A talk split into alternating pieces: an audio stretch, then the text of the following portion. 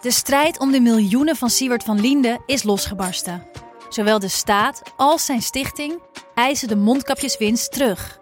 Maar dat die opbrengst in ieder geval niet thuis hoort bij Van Linde, daarover kan toch eigenlijk geen twijfel bestaan. Hoe kon het zo ver komen? Dit is het. We hebben beet. En als Siewert het geld teruggeeft, kunnen wij dit schandaal dan eindelijk loslaten? Je hoort het in de Mondkapjesmiljonairs, exclusief bij Podimo. Ga naar podimo.nl/slash mondkapjes. In de podcast Radio Romano met Noortje Veldhuizen Met Marcel van Roosmalen. En met Roelof de Vries.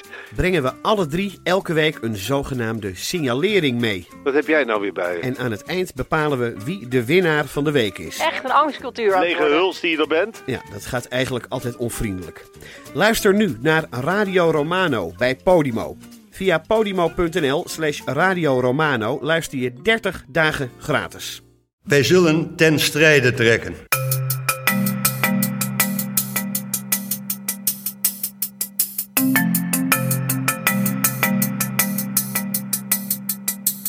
Dit is Betrouwbare Bronnen, een wekelijkse podcast met betrouwbare bronnen. Buiten is het berenkoud, binnen zit Jaap Jansen.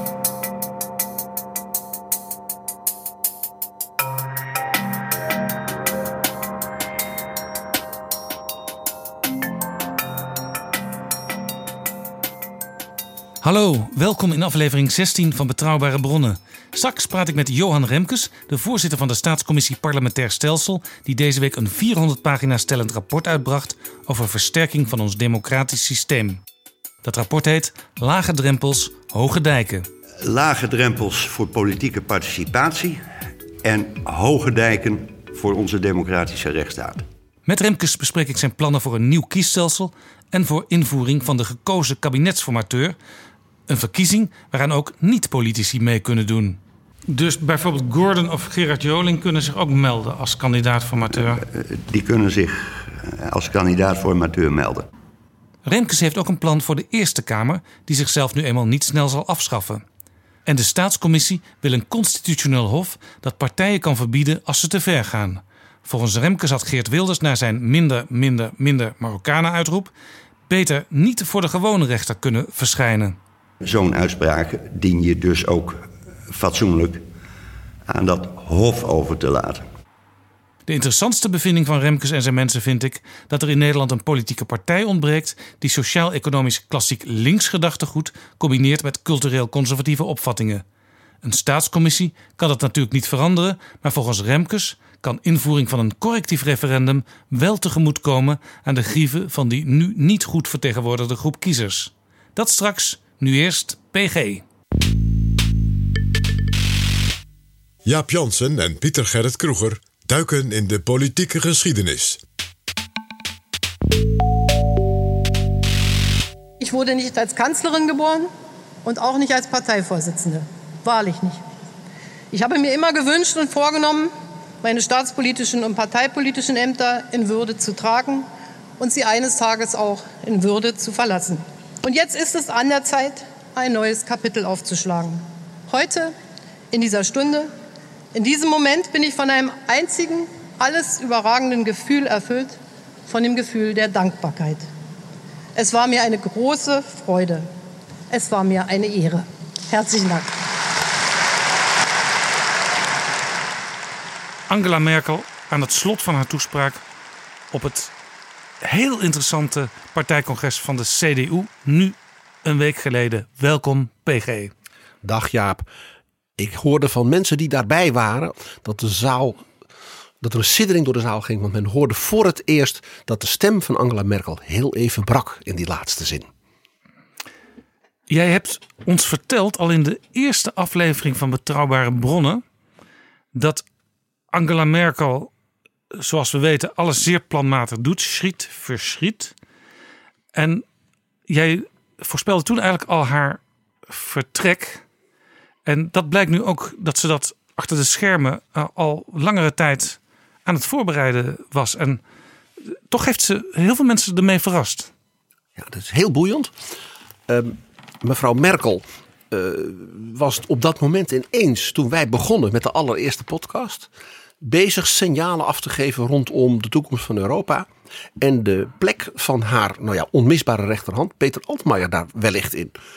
En dat was voor mij het moment om ook in die uh, eerste editie te zeggen: als dit serieus nu wordt bediscussieerd in de serieuze Duitse media, met duidelijke signalen vanuit het kanslerambt, dan kan dat maar één ding betekenen: Merkel is haar opvolging en daarmee haar eigen vertrek aan het regelen. En zodoende kwam ik daarop. Dat is ook het mooie van betrouwbare bronnen. Dat dingen die verteld worden, daar komen we later weer op terug. Als dat nodig is en als daar kans voor is. En het verhaal gaat altijd door. Ook al is het bij wijze van spreken 200 jaar geleden dat we iets hebben gehoord of gezien. Het heeft altijd weer betekenis voor vandaag en morgen. En Merkel hebben we natuurlijk ook. Komt, eigenlijk die naam valt ook in elke betrouwbare bronnen, zeker uit jouw mond. Bijna elke keer. Zij is natuurlijk toch ook de dominante politieke figuur. En al zo lang, hè, nu na 18 jaar uh, als partijvoorzitter opgestapt. Ook dus ook zo lang de dominante politieke figuur in Europa. En natuurlijk in de grootste stroming van Europa, de christendemocratie. Ja, en toen Alexander Pechtold uh, vertrok als leider van D66, hebben we in betrouwbare bronnen het uitgebreid gehad over hoe je als politieke leider moet vertrekken. Hoe je dat het beste kunt doen en dat dat vaak niet helemaal lekker gaat. Maar Angela Merkel lijkt nu wel op een hele verstandige en slimme manier te doen. Op ja, echt Merkeliaans, doordacht, planmatig, eh, zonder spektakel. Ook opvallend. Typisch Merkel is altijd ingetogen, maar de Duitsers dat prachtige woord bezonnen voor gebruiken. Alles was gepland. Het was helemaal geen toeval bijvoorbeeld dat dat partijcongres van 7 december in Hamburg was. Hamburg is de geboortestad van Angela Merkel. Men denkt vaak ze komt uit Oost-Duitsland. Dat is ook zo. Maar haar vader, dominee Kaasner, was een jonge, vooruitstrevende dominee in het naoorlogse Hamburg. En toen zij een jaar of twee, drie oud was, is hij dus met zijn gezin verhuisd naar wat toen dus de DDR was. Want daar was een vacature. En het communistische regime stond geen nieuwe dominees toe. Wat wel mocht, was uit een ander land, dus uit de evangelische synode in West-Duitsland, een dominee vrijwillig kon verhuizen. Nou, vrijwillig verhuizen naar de DDR van Walter Ulbricht, dat is, laat ik zeggen, dat is wel iets aparts. Dus dat doet alleen een hele idealistische, gedreven uh, uh, predikant, die dus voor de, de gelovigen daar in die dictatuur wil opkomen. En zo is Angela Kastner dus daar in Templin in Mecklenburg terechtgekomen. Ze kan natuurlijk altijd nog daar een partijcongres houden als, als bondskanselarin vertrekt. Zeker, ook dat kan nog. Want nu vertrok ze als partijvoorzitter. En dat is een belangrijk element. Partijvoorzitter en boendeskanselier. Ik denk dat dat is iets waar, waar we het eens even over moeten hebben. Want dat is dus heel anders dan bij ons. Het, uh, gewoon alleen op de cijfers. Mevrouw Merkel wordt in het jaar 2000 partijvoorzitter van de CDU en blijft dat 18 jaar. Als zij nu in 21 uh, haar termijn als boendeskanselier dus volmaakt, dan heeft zij er ook nog 16 jaar als kanselier op zitten. Om een idee te geven, dat is dus even lang als der eeuwige kansler Helmoet Kool. En twee jaar langer dan de, ja, de, de oprichter van, Duits, van het Duitse land van de democratie, Konrad Adenauer. Die van zijn 73ste tot zijn 87ste bondskanselier is geweest. Dat zijn enorme getallen. En dat kennen wij in Nederland. Nee, niet. en eigenlijk als je adviseert een politicus van hoe lang zal ik nog blijven? Dan moet je na een jaar of tien ongeveer zeggen, nou, ga maar eens aan uh, vertrek denken. En het is niet voor niks dat in Amerika ze de president aan twee termijnen maximaal eh, hebben gebonden, hè? acht jaar. Dat hebben ze pas in 1946 gedaan hoor. Toen bestond Amerika al heel lang. Maar toen hadden ze wel wat geleerd, misschien zelfs wel uit, uit Europa, hoe dat ook mis kan gaan. Daar gaan we het een andere keer over hebben. Hoe dat met die Amerikaanse presidenten zit. Even nog over mevrouw Merkel. Dat ze dus zo lang partijvoorzitter was. Uh, uh, ja, en zo, ook zo lang als kans. Dat leidde ertoe dat bij, bij het afscheid haar vicevoorzitter, Volkert Bouffier, de premier van Hessen, he, dus, dus de deelstaat van, van, van Frankfurt, uh, Kassel, dat soort, dat gebied, dus midden Duitsland, dat die sprak haar toe natuurlijk met woorden van lof. Dat was overigens een zeer korte toespraak. Over het bijzondere karakter van dat afscheid gaan we het nog wel even hebben straks. Bouffier maakte toen de volgende opmerking om een idee te geven aan de achterban en ook de media. Hoe bijzonder dus die lange termijn van mevrouw Merkel is en van haar Duits, wat de Duitsers zo noemen, haar beharrelijkheid, haar volharding. En toen zei hij, in dezezelfde tijd Angela versleet HSV, dus de club, de voetbalclub van Hamburg, 24 trainers en de SPD 10 partijvoorzitters. De hilariteit in de zaal was natuurlijk enorm. Stabiliteit is dus eigenlijk het, het woord wat bij Angela Merkel past. Ja, en dus ook haar eigen plan trekken. Zij trok haar eigen plan en dat, dat lukte haar ook. Uh, het feit alleen al dat ze op dat congres, op het moment dat zij bepaalde, afscheid nam. En dat zij die partij van haar, laten we eerlijk zeggen, een katholieke bandenpartij, klassiek, ertoe brengt dat ze na de domineesdochter uit het oosten, ze nu als partijvoorzitter een katholieke vrouw uit het hele kleine Saarland hebben gekozen. En dus niet een sterke vent uit het grote Noord-Rijnland-Westfalen. Wat de basis in de, de CDU. Of Baden-Württemberg. Wat ook een grote en belangrijke deelstaat is. Nee, een mevrouw uit Saarland. Ja, dat is dus eigenlijk ook een compliment voor Merkel. Uh, dat ze toch een, iemand die enigszins op haar lijkt, uh, ook nog vrouwen hebben genomen. En heel fijntjes in haar toespraak. Merkel was dus volledig onpartijdig als partijvoorzitter. Ze zei: Ik ga niet over mijn graf heen regeren. Het enige wat ze wel deed, was dat ze heel fijntjes erop wees. Dat het feit dat de CDU nu weer een, de, kanselier, kanselier biedt en een coalitie met de SPD heeft. En er dus niet een rood-rood-groene, dus een schrikwekkend natuurlijk, hè, linkse coalitie in Duitsland was, dat dat te danken was aan de verkiezingsoverwinningen in een reeks deelstaten achter elkaar. En toen noemden ze fijntjes, dat waren de deelstaten Schleswig-Holstein, Noord-Rijnland-Westfalen en Saarland. Oftewel, mevrouw Kramp-Karrenbauer, haar hè, beoogd opvolger, AKK. AKK, is iemand die verkiezingen kan winnen. Dat u dat even goed in uw oren knoopt, achterban. Je, je benadrukt dat ze dus met heel veel kracht al die jaren die, die beide functies heeft gecombineerd. Maar een tijdje geleden heb ik haar hier op het Binnenhof gezien. Ze was te gast bij Mark Rutte, s'avonds. Het stond ik op een paar meter afstand van haar, kon ik haar een beetje observeren. En zij komt helemaal niet op mij over als een autoritaire vrouw. Nee. Hoe heeft ze zich dan toch al die jaren kunnen handhaven? Uh, door haar, wat die Duitsers zo mooi noemen, bezonnenheid dat afgewogene. Uh, als partijvoorzitter heeft ze ook altijd sterk zeg maar, gemodereerd. Het is dus geen wat de Duitsers noemden een basta-kansler. Zoals Gerhard Schreuder met de vuist op tafel slaan. Wie ook geweldig kon polteren, het woord alleen al, was bijvoorbeeld Helmoet Kool. Die kon tekeer gaan, weet je En dan klappen, klapperde met de deuren. En wat het, dat doet Merkel niet. Het is ingetogen, het is behoedzaam. Uh, ze wacht af, daar is ook heel knap in, afwachten. En dan ineens slaat ze toe dat aftreden, boem. Ineens deed ze dat. Het overrompelen van zeg maar de anderen uh, binnen die bezonnenheid is eigenlijk wel haar meest bijzondere ja, zo'n soort duo-eigenschap. Het is en ingetogen en rustig en afwachtend en ineens heel snel uh, beslissingen nemen. Dus eigenlijk een hele knappe aanpak van Merkel. En juist ook in Duitsland bijzonder, zo'n vrouw. Ja, de positie van de bondskanselier en de partijvoorzitter is iets heel specifiek Duits. Uh, het, het vertrek van zo'n bondskanselier is bijvoorbeeld in Duitsland bewust moeilijk gemaakt in de grondwet. Men heeft bij de grondwet van 1949 dus de, de, de, de wetgeving rondom de rol van de regering en partijen en het parlement zo gemaakt dat je dus niet zomaar zo iemand ten val kunt brengen. Ja, dat was ook omdat, denk ik, in de Weimar Republiek uh, veranderden de regeringen nog wel eens. En had je ook dat uh, de, de, de extreem linkse en extreem rechtse samenspanden om het midden het moeilijk te maken. Ja, in de Weimar Republiek uh, vielen dus die kanseliers, die je toen ook had, die vielen voortdurend. er was, er, was met het grootste gemak werd zo iemand dan weggestuurd. En dan moest de bondspresident, de, president van Duitsland, dat was eerst meneer Ebert en daarna de oud-generaal Hindenburg, die moest dan maar zien waar hij dan weer een kanselier vandaan haalde die dan misschien een meerderheid zou krijgen. Dat leidde ertoe dus dat de president uh, Hindenburg en, en ook zeg maar, kanseliers bij zijn genade, dat die dus bij decreet gingen regeren. Dus het ondermijnde dus niet alleen de stabiliteit van de democratie, die natuurlijk pril was in Duitsland. Maar het zorgde ook nog, het was een uitnodiging tot autoritair uh, regeren, in feite door een hoogbejaarde generaal. De grondwet werd dus voorzien van checks en balances na de Tweede Wereldoorlog. Na het nazi, na het nazisme. Heel duidelijk, je zag dus dat die grondwet mede gebaseerd was op elementen die je kent uit Engeland.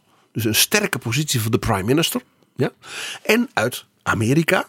Met een sterke positie van de Senaat. In Duitsland, de- de- de- dat is de, de Länderkammer, de Bundesraad. En een sterke positie van het Hoge Rechtshof. Wat in Duitsland ook niet bestond. Dat is heel interessant, want straks met Johan Remkes ga ik het hier ook over hebben. Want in het rapport wat hij deze week gepubliceerd heeft, staat ook hoe belangrijk het is ook voor Nederland dat er checks en balances in het systeem zijn. Daarom eh, vindt hij bijvoorbeeld ook niet dat de Eerste Kamer moet worden afgeschaft. Daarom moet er zelfs een constitutioneel hof komen in Nederland. Nou, het zijn allemaal elementen die in Duitsland dus ook aan de orde zijn. Precies. En dat is in Duitsland natuurlijk het gevolg geweest van dus de lessen, de bittere lessen uit de Republiek van Weimar.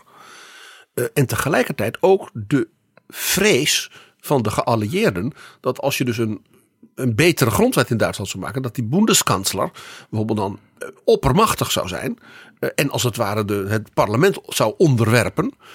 Dus dat Berlijn, of die regering in Bonn, oorspronkelijk was natuurlijk bedoeld voor Berlijn na de hereniging meteen, maar die kwam niet.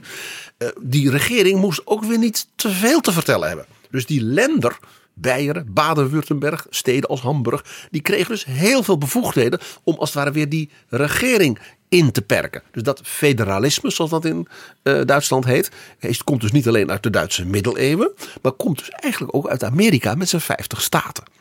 Maar tegelijkertijd in zo'n politieke partij, zo'n CDU, vinden ze dan blijkbaar toch wel op een bepaald moment belangrijk dat die functie van Bundeskanzler en partijvoorzittende onder Merkel in ieder geval grotendeels de periode gekoppeld zijn geweest. In de, dus is, zeg in dus de recente Duitse geschiedenis, hebben we sinds 1949, is dus de, de, is, is het gebruik geworden dat de partijvoorzitter eh, van bijvoorbeeld de CDU of de FDP of de SPD, met name de klassieke partijen, eh, dat die als het ware ook de of de kanselier is of de oppositieleider eh, eh, of iets dergelijks. Dus die, die functies worden in elkaar geschoven. Dus nu de functies even gesplit zijn in de CDU, kun je er eigenlijk van uitgaan dat als Merkel over twee jaar stopt als Bundeskanzlerin, dat dan AKK die functie ook overneemt. Dat is zeer, ligt zeer voor de hand. En ik sluit dus ook niet uit dat mevrouw Merkel, net als nu, weer haar eigen plan trekt. En dat zij dus haar termijn tot 2021 niet volmaakt.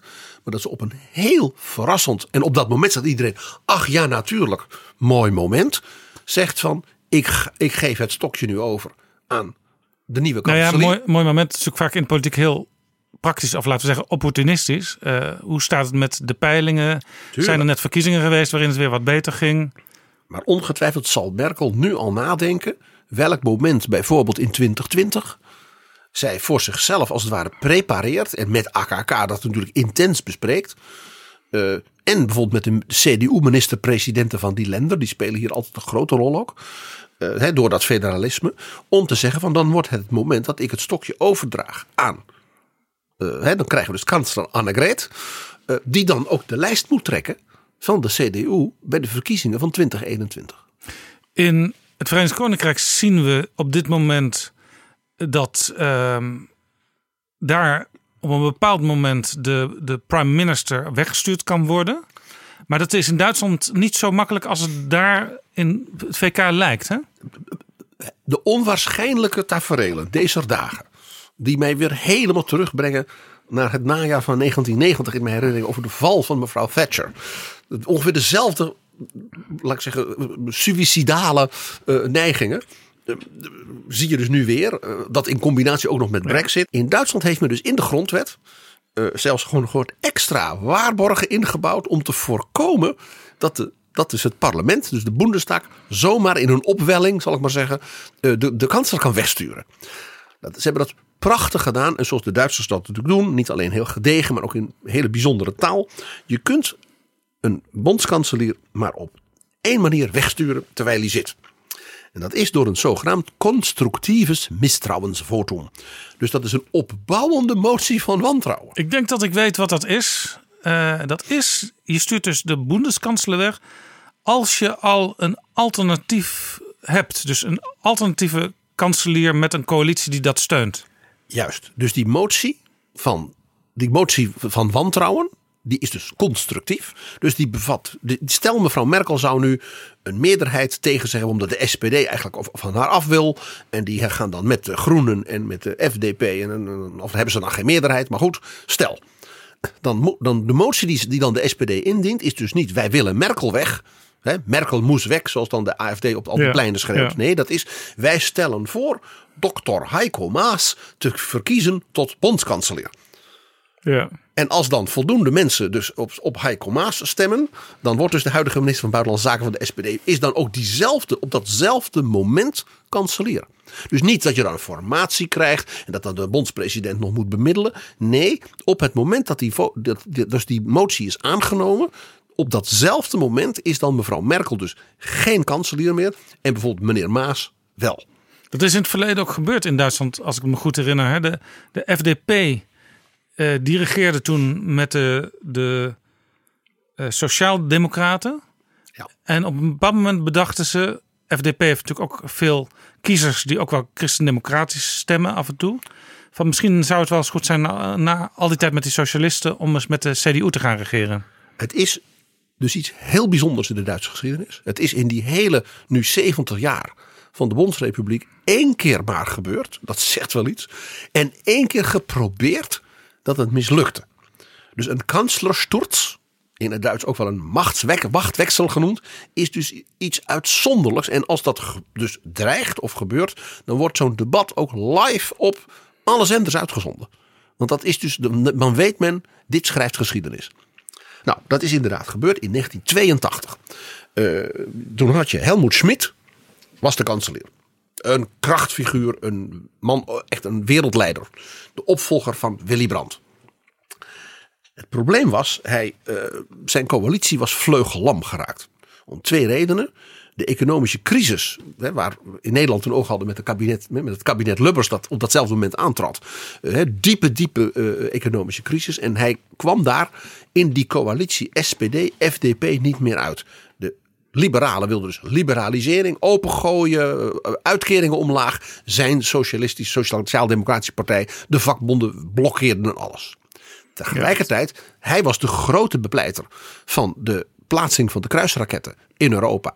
Hè, samen met president Reagan tegen de Sovjet-Unie. Wat natuurlijk bij de linkervleugel van de SPD ook niet lekker lag. De vredesbeweging en de linkervleugel van de SPD gebruikte dit om als het ware een verdeeldheid in de eigen partij te, te, te veroorzaken. Daarbij werden ze wat gesteund door Willy Brandt. Dus de oud-kanselier, die op dat moment partijvoorzitter was. Heel Ja. bijzonder. En natuurlijk niet altijd met alles van Helmut Schmidt zijn opvolger eens was. Nee.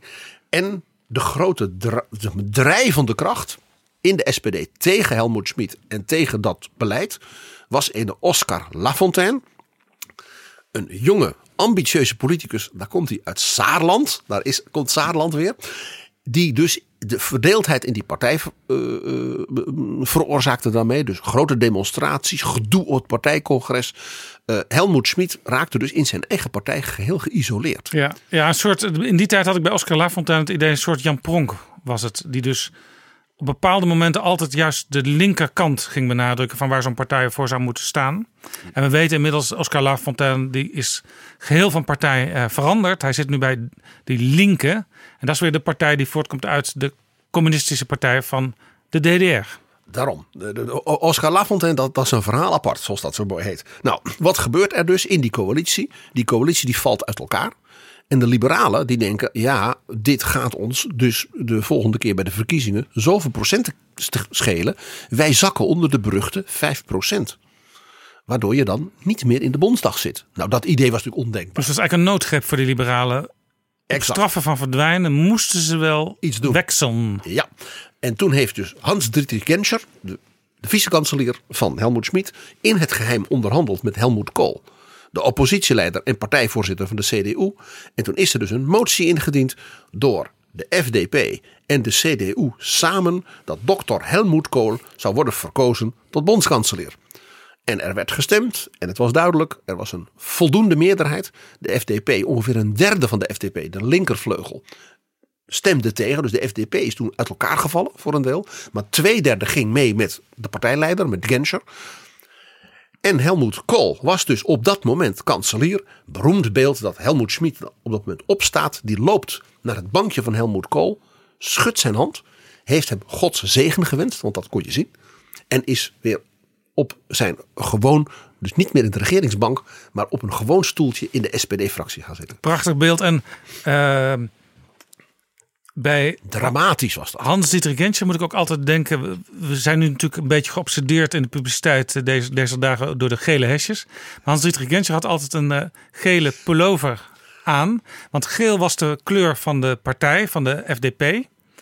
En Hans Dietrich Genscher had thuis eh, de stoel waarin hij altijd zat te lezen in het weekend. Dat was een eh, vliegtuigstoel, zo'n business class stoel waar je ook een beetje lekker in kon gaan liggen. Want hij was toch al gewend als minister van Buitenlandse Zaken om altijd in zo'n stoel te zitten. Dus thuis ook maar. Hans, dit, de, de gele hesjes heeft in Duitsland een totaal ander eh, zeg maar, gevoelswaarde dan in Frankrijk of eh, bij zeg maar, de, de, de extreemrechtse gekken in Nederland. Dit was in 1982, maar je zei dat het ook een keer mislukt is. Hoe zat dat dan? Dat was een nog groter drama. Jawel, dat was precies tien jaar daarvoor, 1972. Je ziet ook dat dus in deze periode eh, in Duitsland de verhoudingen dus sterk gepolariseerd waren. Dat de SPD en de CDU alle twee ongeveer even groot waren. Alle twee zeg maar 45 procent. En daartussen zat dan die kleine FDP die elke keer moest hopen dat ze net boven die 5 procent. Dat was 7 procent, dat was 8, dan is 6. Was altijd, dus de Duitse politiek was in die tijd sterk gepolariseerd en spannend. Nou, wat was er in 72? Eh, Willy Brandt was toen de kanselier voor de SPD en regeerde met de liberalen. Maar er waren overlopers vanuit zowel de FDP als vooral dus de SPD naar de CDU. Dat waren dus conservatieve vakbondsmensen en dergelijke, die dus de vredespolitiek met name van Willy Brandt, hè, dus onderhandelen met Polen, met de DDR, met Moskou, dat vonden ze te ver gaan. Hij geeft als het ware eh, hè, het oude Duitsland op en wat krijgen we ervoor terug? Eh, dus de CDU raapte allemaal individuele Kamerleden die dus overliepen. Ja, zeg maar, zeg maar ook de, de, wat je nu zou noemen de cultureel conservatieven in de Sociaal-Democratische Partij. En zo ontstond er dus soort dissidenten in die SPD. En op een bepaald moment had de CDU de hoofden geteld. En er was een meerderheid van stemmen voor de CDU plus die overlopers. En toen dacht de CDU, dan gaan wij nu toeslaan. En die hebben dus toen zo'n constructieve misstrouwensvotum motie ingediend. Wie was toen de, de kandidaat-kansler? Rainer Barzel. Het feit dat je nooit meer van hem gehoord hebt, hè, zeker hier in Nederland, dat zegt iets wat hier gebeurt. Eh Rainer Barzel was dus de fractieleider van de CDU in, eh, in de Bondsdag. En dus de opponent van Willy Brandt in de debatten. Ja. En Rainer Barzel werd dus voorgedragen, dokter Rainer Barzel, kanselier van Duitsland. En er werd gestemd. En dat gaat natuurlijk, geheime stemming, briefjes in een. En dan wordt er geteld. Tegenwoordig geloof ik in een glazen, soort glazen doos. Ja. Nou, dus het was wachten tot de uitslag kwam. En iedereen wist, het, de kans dat Willy Brandt dus abgeweeld Is hè, zou worden, is groot. Maar het is natuurlijk een, het is natuurlijk geen, hè, het was niet helemaal voorspelbaar. Het is kiele kiele. Nou, dus wat gebeurt dan? Dan komt dat moment, dat is heel Duits. De, de, de, de voorzitter van de Bundestag, wat nu Wolfgang Schäuble is, die heeft dus een klok. Want de, de, de Bundestag is natuurlijk heel groot, hè, 600 man. Dus die bengelt dan met die klok. En dan weet iedereen, stil, zitten, want nu komt de, uitslag. uitslag.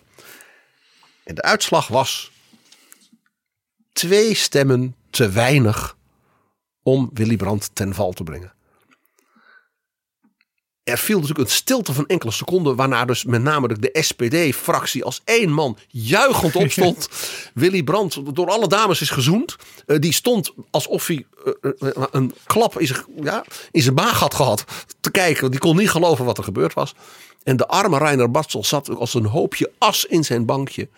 Hoe kon dit? Wat deed En dat weet je uiteindelijk natuurlijk nooit. Want Nee. ja, die briefjes die worden ingevuld, maar dat is verder geheim. Ja, hoe kon dit? Nou, onmiddellijk werd het parlement ontbonden. Daar heeft eh, Brandt toen voor gezorgd. En er was een verkiezing en die werd ook wel de Willy-Waal genoemd. Dat is de grootste triomf van de SPD in de geschiedenis. De Bundestag-verkiezingen, ja. Jaren later, door slim werk van journalisten van Der Spiegel en dat soort eh, scherpe Duitse bladen, is men erachter gekomen wat er gebeurd is. De fractieleider van de SPD, Herbert Wehner, een, een, een, een oergestein van de Duitse politiek, kende een CDU-man uit zijn jeugd en wist dat hij een ernstig drankprobleem had en daardoor grote schulden en gokschulden had. En die heeft hij dus betaald, maar dan moest hij dus blanco stemmen, dan wel in ieder geval niet voor die motie stemmen. Maar dat, dat was dus een beetje zo van: ik weet dat je problemen hebt, ik kan je misschien helpen, ik kan misschien wat fondsen eh, leveren. Dus dat is maar in gebeurd. ruil daarvoor. En er, vervolgens bleek nog iets. Het bleek dat de Stasi, de geheime dienst van de DDR, ook iemand had gechanteerd. Die dus Brand moest steunen en niet Bartsel. Dat was iemand die dus contacten had met die geheime dienst. En die dus blijkbaar chantabel was. En de DDR en Moskou wilden natuurlijk dat Brand bleef vanwege die vredespolitiek. Ja. Dat is pas jaren later uitgekomen. En dit is dus ook het nut, zeg maar, vanuit geheime diensten en sommige regeringen ge- ge- geredeneerd van afluisteren en checken wat iemand aan het doen is. Dus de meest, de meest stomme, bij seksuele uitstapjes, die kunnen later leiden tot dit soort dingen. En tot deze chantage. Natuurlijk. En ook dus onbekende, niet belangrijke eh, backbench Kamerleden hè, kunnen in zo'n situatie ineens nuttig worden voor mensen als Poetin en eh, de, de Stasi en dergelijke. Wees wat dat betreft altijd nuchter en eh, ga uit van, zeg, zoals ik als Calvinist dan zeg, van het, het slechte in de mens. Maar zo'n wantrouwensfotum en zo'n constructief fotum, dat zal bij Merkel nu waarschijnlijk wel niet gebeuren. hè, Want haar- coalitie heeft een ruime meerderheid. En inmiddels is de CDU natuurlijk van partijvoorzitter gewexeld. Ja. Dus mensen die iets anders wilden, die hebben nu eigenlijk al kunnen stemmen voor iets anders. Merkel heeft met haar opvolger, opvolgster, hè, AKK, als partijvoorzitter van de CDU, een geweldige soort hitteschild gebouwd. Ook binnen die partij. Eh, tegen zijn onrust en dergelijke. Want ja, het eerste object van die onrust is dan niet de kanselier, maar de partijvoorzitter. Dat is het interessante. En de tweede, de SPD, ligt, heeft het intern zeer moeilijk. Groot gedoe. Eh, als de SPD nu zou zeggen, nou wij willen van die coalitie af en dus van Merkel af, dan dat is zelfmoord. Ja, er is natuurlijk ook nog, er is helemaal geen coalitie in de verste verte te zien als alternatief. Nou ja, die is er wel. De, de CDU heeft het natuurlijk al geprobeerd met de Groenen en de Ja. Liberalen. En dat kan altijd nog. Dus ook daar is dat, dat is voor de SPD dus buitengewoon onaantrekkelijk. Dus door, met deze manoeuvre heeft Merkel dus op die typische bezonnen manier van haar eigenlijk haar positie dus eerder versterkt dan verzwakt. Ja, want eh, ze is eigenlijk al een sprong vooruit hebben ze gedaan in de tijd. En bij de SPD is nog geen Ascher of Klaver of Jetten te bekennen. Intern groot gedoe. En dat helpt, grappig genoeg dus, mevrouw Merkel en de CDU. Nou, hier zie je dus, eh, de- dus de, de grondwet in Duitsland, hè, de wetgeving en laat ik zeggen, de positie van de kanselier, die ook partijvoorzitter is, dat dat bijna een soort garanties zijn in het Duitse politieke systeem tegen destabilisatie, onrust, Weimar. Ja, het, het, de grote angst is altijd Weimar. Ja, sowieso, je zei, je zei er in het begin al iets over, maar eh, zo'n partijvoorzitter, dat is dus totaal iemand anders in Duitsland dan bijvoorbeeld in Nederland eh Rut Petom. Ja.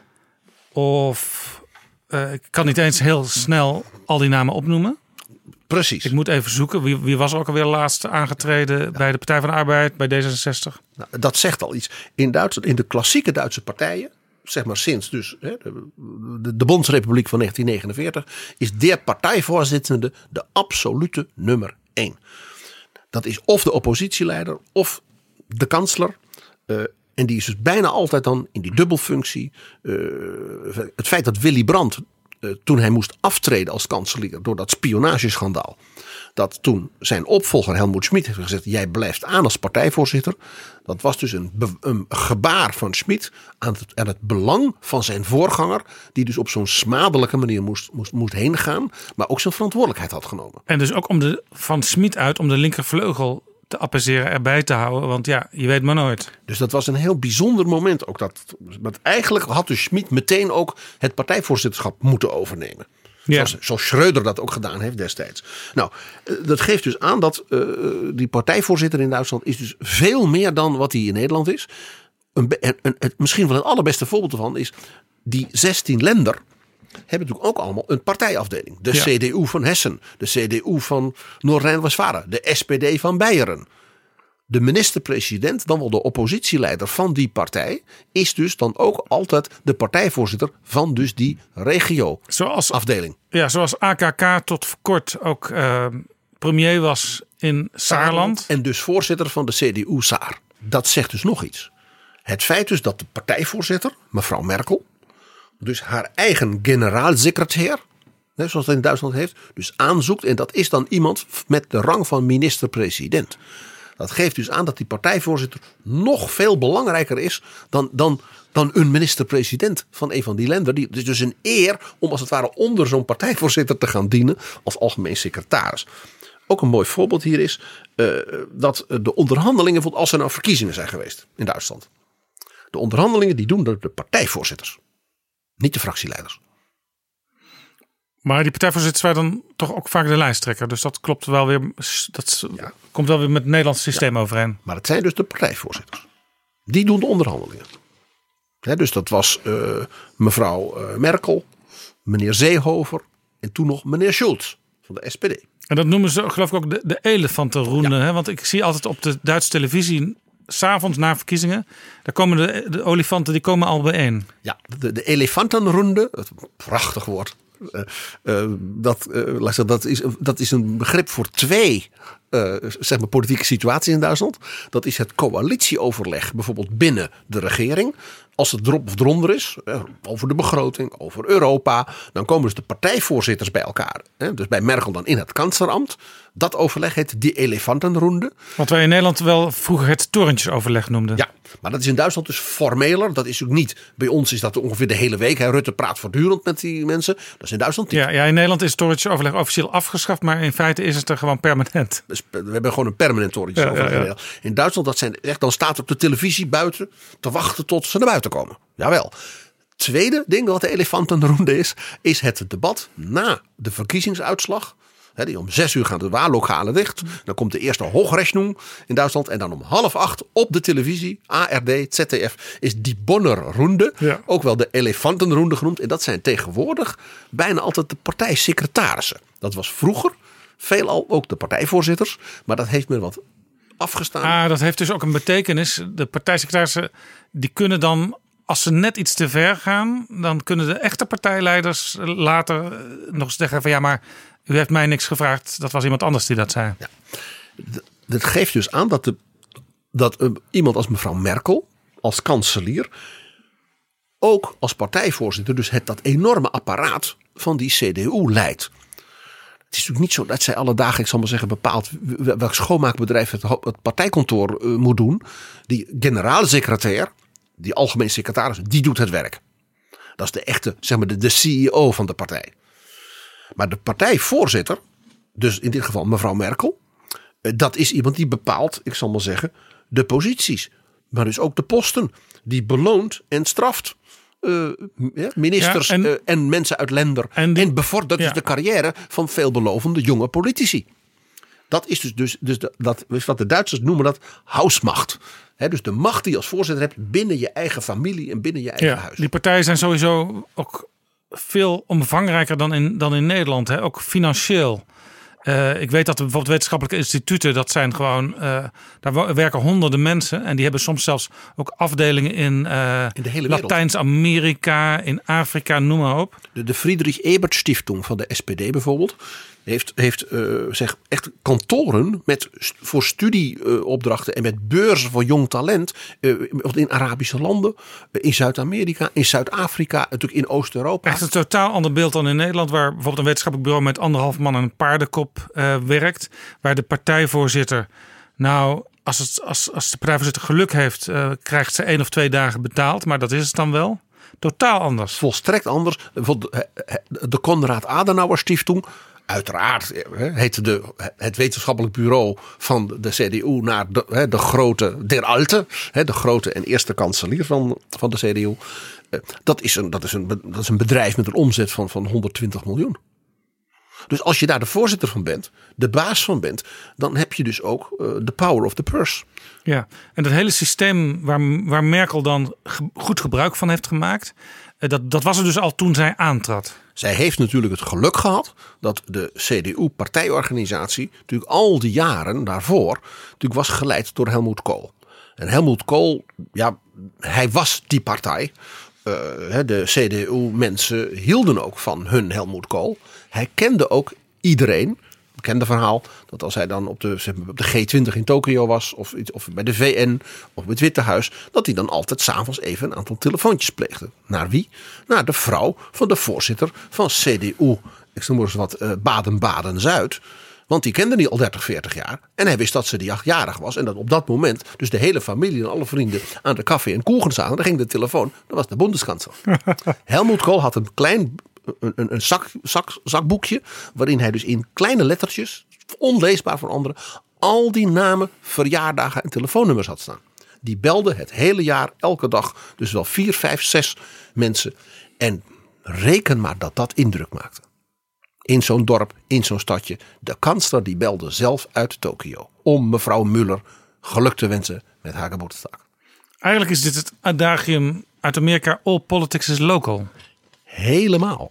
Helemaal. De, de CDU, de SPD, die grote partijen in Duitsland, zijn natuurlijk door dat federalisme, hè, die Bundesländer die zo belangrijk zijn, die regio's die zo belangrijk zijn, dus veel meer daaraan gebonden, ook cultureel, emotioneel, dan zeg maar aan dat nationale. Wat in Duitsland ook door de geschiedenis altijd iets heeft van ja.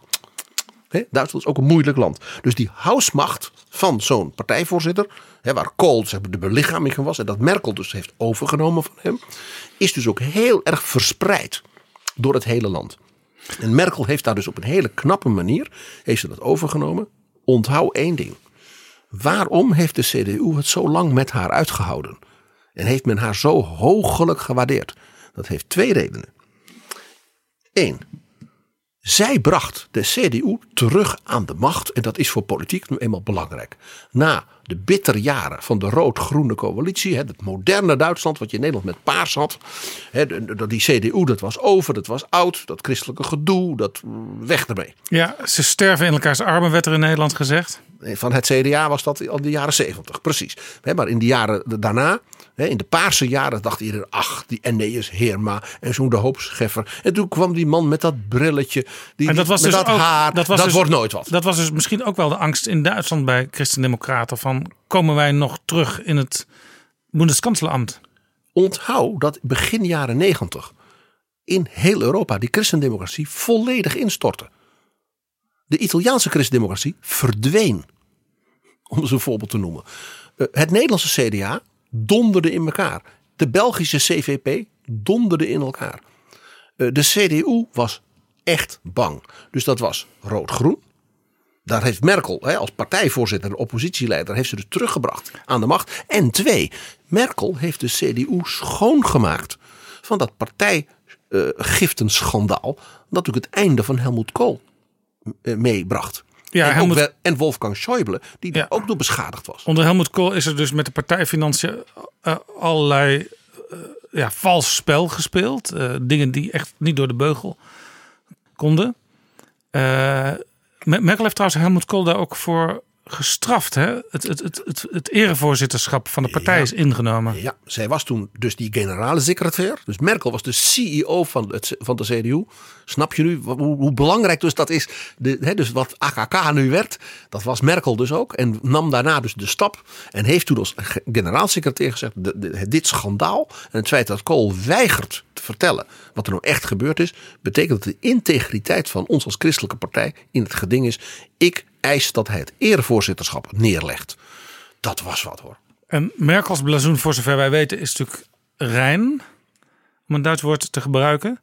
Dus zij kan nu gewoon wel erevoorzitter eh, worden zonder problemen. Daar gaan we het straks nog wel even over hebben. Oh. Ja, maar het interessante is, hij heeft dus de partij schoongemaakt, min of meer, van die smet, ja, eh, van die corruptie. En die partij, dat, dat De Duitsers van die mooie woorden met heel veel, heel veel scrabblepunten krijg je altijd hè, in het Duits. En dus de partij, niet zo heel lang daarna, na vijf jaar, teruggebracht aan de macht. En nou, daar zitten ze dus inmiddels een hele tijd. En Dus misschien men ook is wel geholpen door het feit dat Gerhard Schreuder toch een, een beetje een macho man was. Gerhard Schreuder heeft zijn eigen partij natuurlijk. Dus het woord elefant was zeker ook op hem van, Zeker. van toepassing. Gerhard Schreuder heeft natuurlijk met zijn, zijn economisch beleid en het ingrijpen in de uitkeringen en de, en de werkloosheidsgaranties, ja, eh, garanties, de vakbonden en natuurlijk een groot deel van zijn eigen partij tegen zich in het harnas gejaagd. Ja, maar misschien ook de stijl. En als je dan Ja. Merkel zag opkomen als Das Mädchen van Helmut Kohl, die toch liet zien dat ze een stabiele factor kon worden. Zij was dus niet zo'n basta-kansler. Niet zo'n polterer met de vuist op tafel slaan en stoer en met Poetin. En ja, eh, eh, zij was natuurlijk toch wat geacheveerder. En mag ik zeggen, wat femininer, wat ingetogener. En dat werd Ja. in Duitsland erg gewaardeerd. En dan zie je ook een, iets moderns uit de tegenwoordige politiek. Dan is uiteindelijk ook niet meer zo heel belangrijk tot welke politieke stroming je behoort. En of die nou in de lift zit of misschien wel aan het afsterven is. Dan gaat het gewoon ook om het karakter en de uitstraling van de politiek leider. Essentieel is altijd dat men het gevoel heeft: ik kan mijn land, eh, de toekomst van mijn gezin, als het ware mijn portemonnee aan zo iemand toevertrouwen. Dat is uiteindelijk bij alle ook ideologische elementen die er altijd ook zijn. Maar een, een, een, een politiek leider, een minister-president, een kanselier, waar een groot deel van de bevolking die echt niet alle dagen alleen maar betrouwbare bronnen zit te luisteren en met politiek bezig is, als een groot deel van de bevolking het gevoel heeft: ik kan die man hè, mijn portemonnee uitlenen, zoals Nederlanders zeggen. Ik, wat de Amerikanen al zeggen: Would you buy a second-hand car Ja. from this man? Een, een Volkswagen en dan kijken ze niet naar de teller. Die nemen ze gewoon over van Angela Merkel. Ja, en dat is dus echt. Er zijn dus politici van grote kwaliteiten. Met veel talent. Waarvan iedere van onze luisteraars denkt. Ja, en ik zou er toch geen tweedehands auto van kopen. Bijvoorbeeld in ons land. Eh, bij alle kritiek die er was. En die ook mogelijk was. Het gevoel dat Jan-Peter Balkenende iemand was. Waarvan je wist. Daar zou, die zou ook nog vertellen dat er daar een klein roestplekje zat. Waar hij nog een verfje over had gedaan. Dat gevoel heeft hem heel lang. In Nederland dus. Ja, de positie van, van premier gegeven.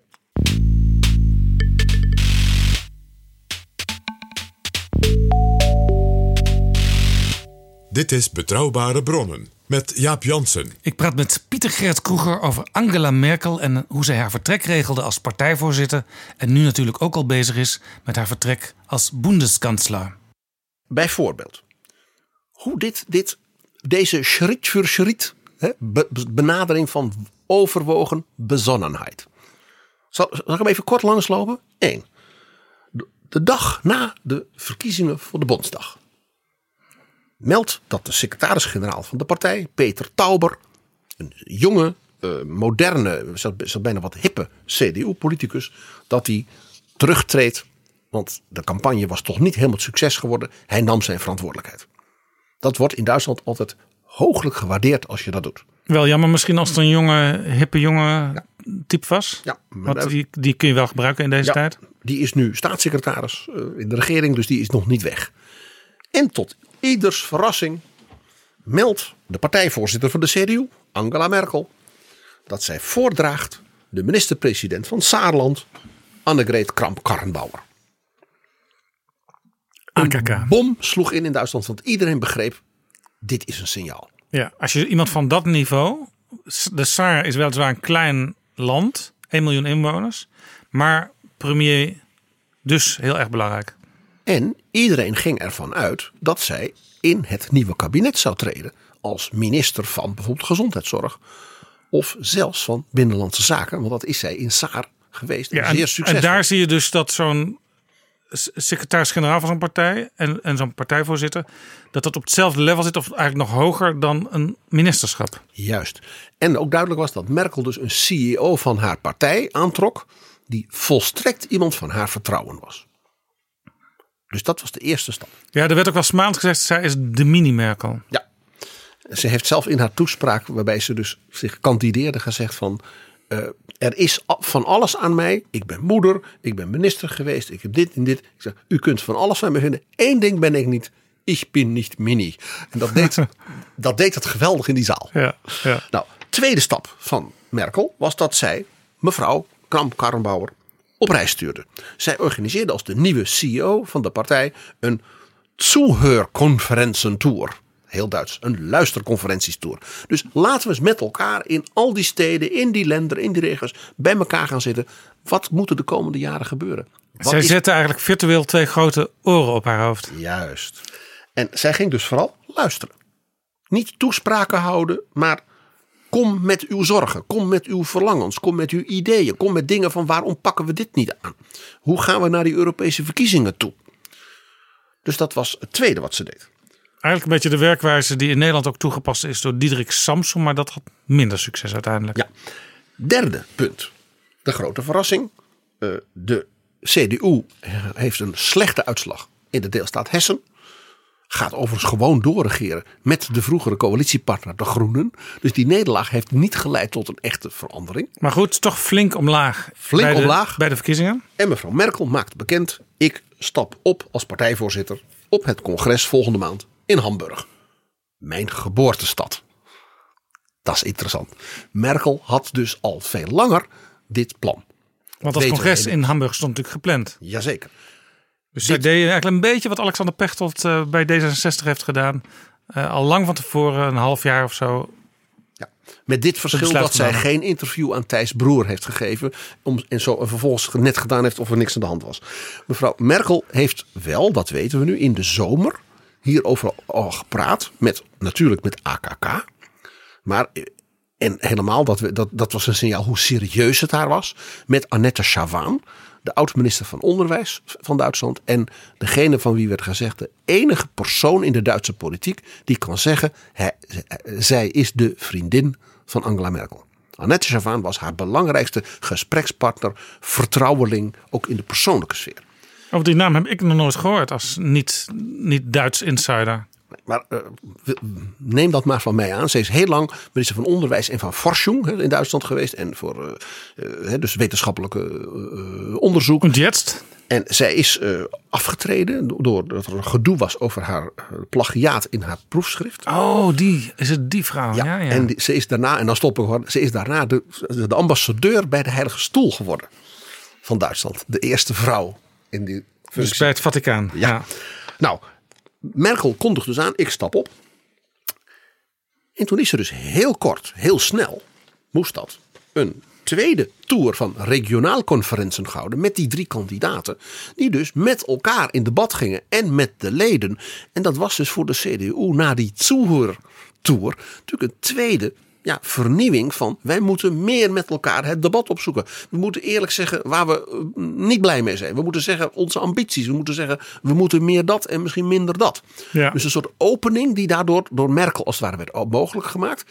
Tegelijkertijd dat zij zelf zich als het ware wat terugtrok. Ze heeft dus ook geen voorkeur voor de kandidaat uitgesproken. Klinkt eigenlijk allemaal heel subliem, want meestal verdwijnt een leider toch een beetje in disarray. Ehm, Dit is allemaal heel gepland. elk leiderschap eindigt in schipbreuk, zei Charles de Gaulle ooit. Toute vie politique finis en naufrage. En het lijkt bijna of, of Angela Merkel ja, op een bijna politicologische wijze eh, eh, heeft bestudeerd hoe dat goed ging of verkeerd ging bij voorgangers. Ja. En juist daar de lessen uittrekt en toepast. Het tweede is dat je dus ziet dat zij zeg maar, de binnenkant van haar partij dus buitengewoon goed kende en aanvoelde. Precies, want ze, ze trok haar eigen plan, kwam met haar eigen besluit de verrassing AKK te benoemen, hè, om eens wat te noemen. En al die puzzelstukjes die bleken dus te kloppen. Want uiteindelijk kreeg ze het dus ook voor elkaar dat de door haar gewenste, want dat was wel duidelijk, kandidaat ook haar opvolger werd. En dat is wel heel knap hoor. Eh, wij kennen in Nederland weinig of geen politici die op die manier hun eigen vertrek en opvolging ja, zo bezonnen, ook zo bescheiden ja, hebben georganiseerd. Ja, en tegelijkertijd daar zelf sterker door worden. Ja, en op een manier wa- waardoor de leden van zo'n partij en uiteindelijk ook de kiezers de indruk hebben dat het op een nette, democratische manier gaat. En open.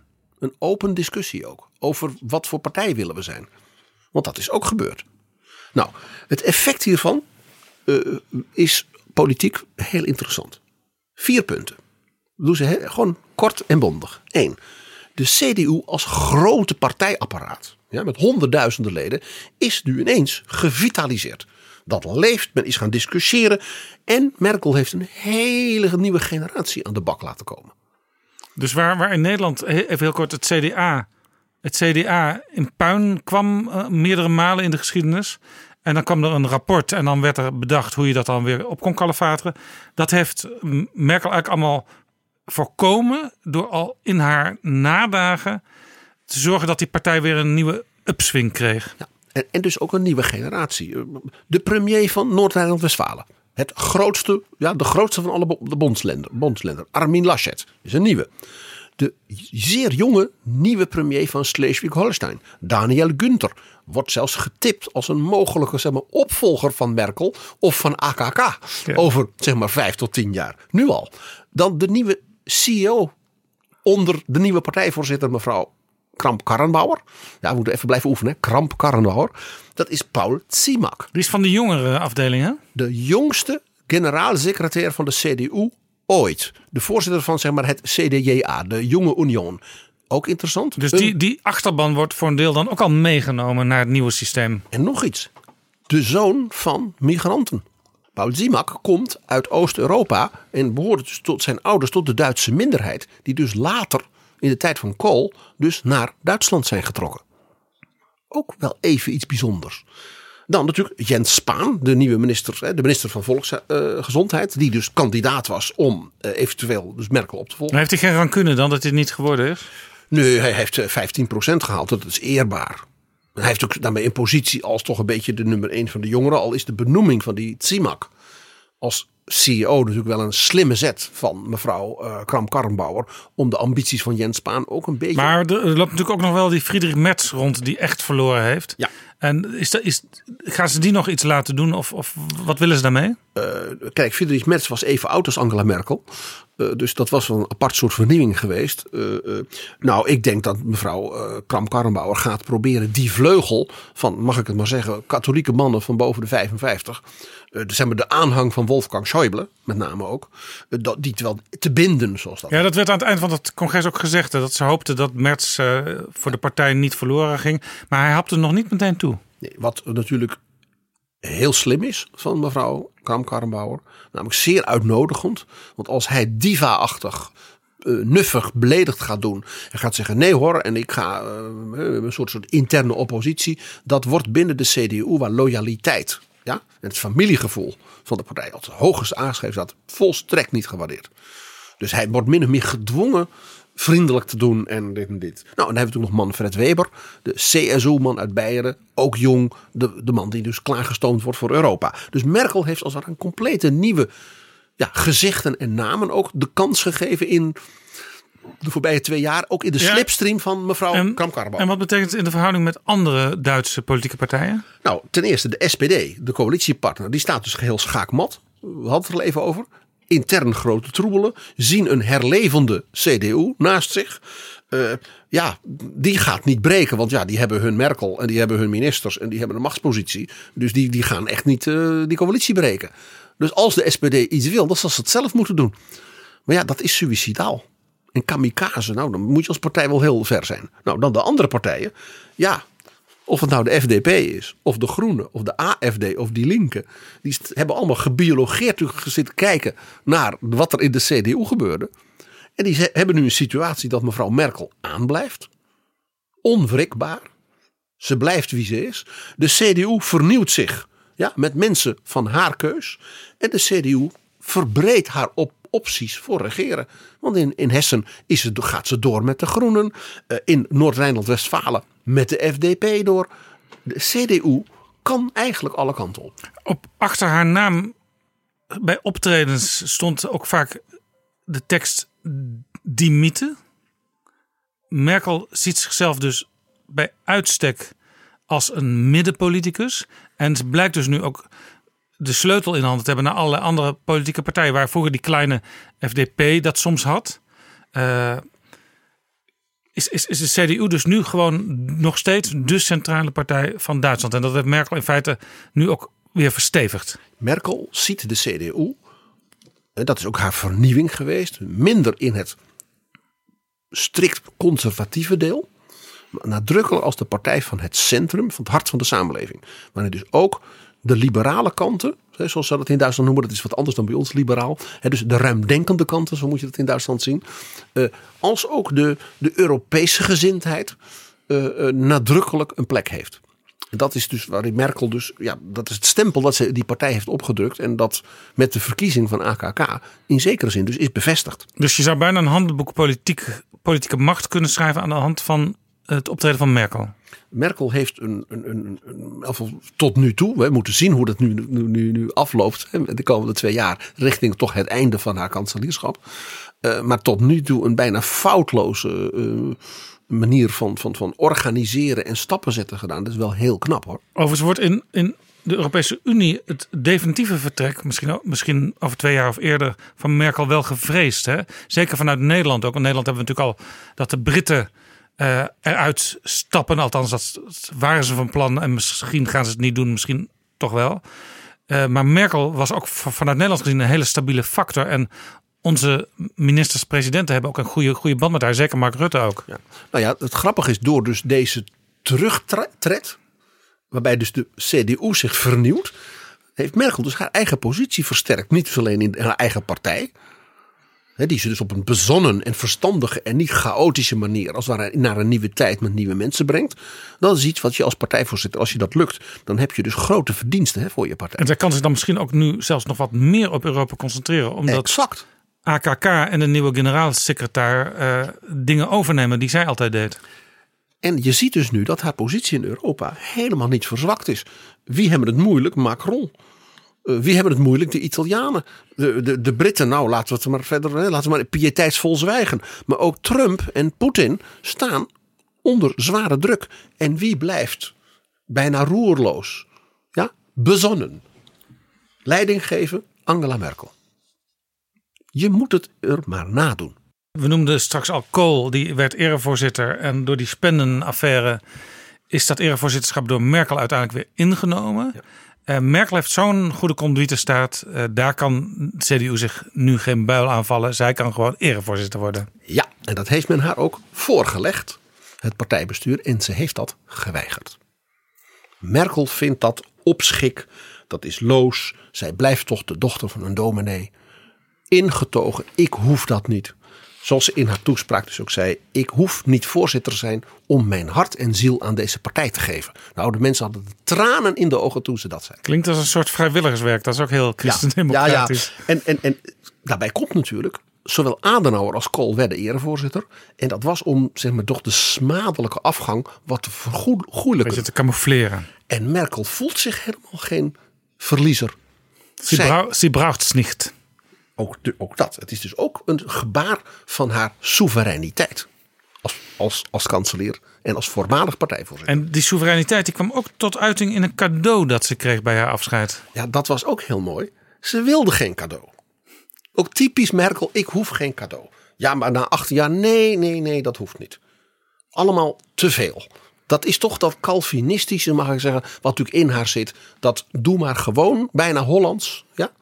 Haar waardering natuurlijk voor Nederland, voor, voor Mark Rutte en dergelijke. Dat, dat heeft natuurlijk ook zijn oorzaken. Zij herkent veel van die wat ingetogen, zeg maar bijna Calvinistische politieke cultuur. En toch kreeg ze een cadeau. Geen grote dingen, geen Angela Merkel prijs. Gebeurde dat trouwens op het podium, op het op congres? het podium, op het congres.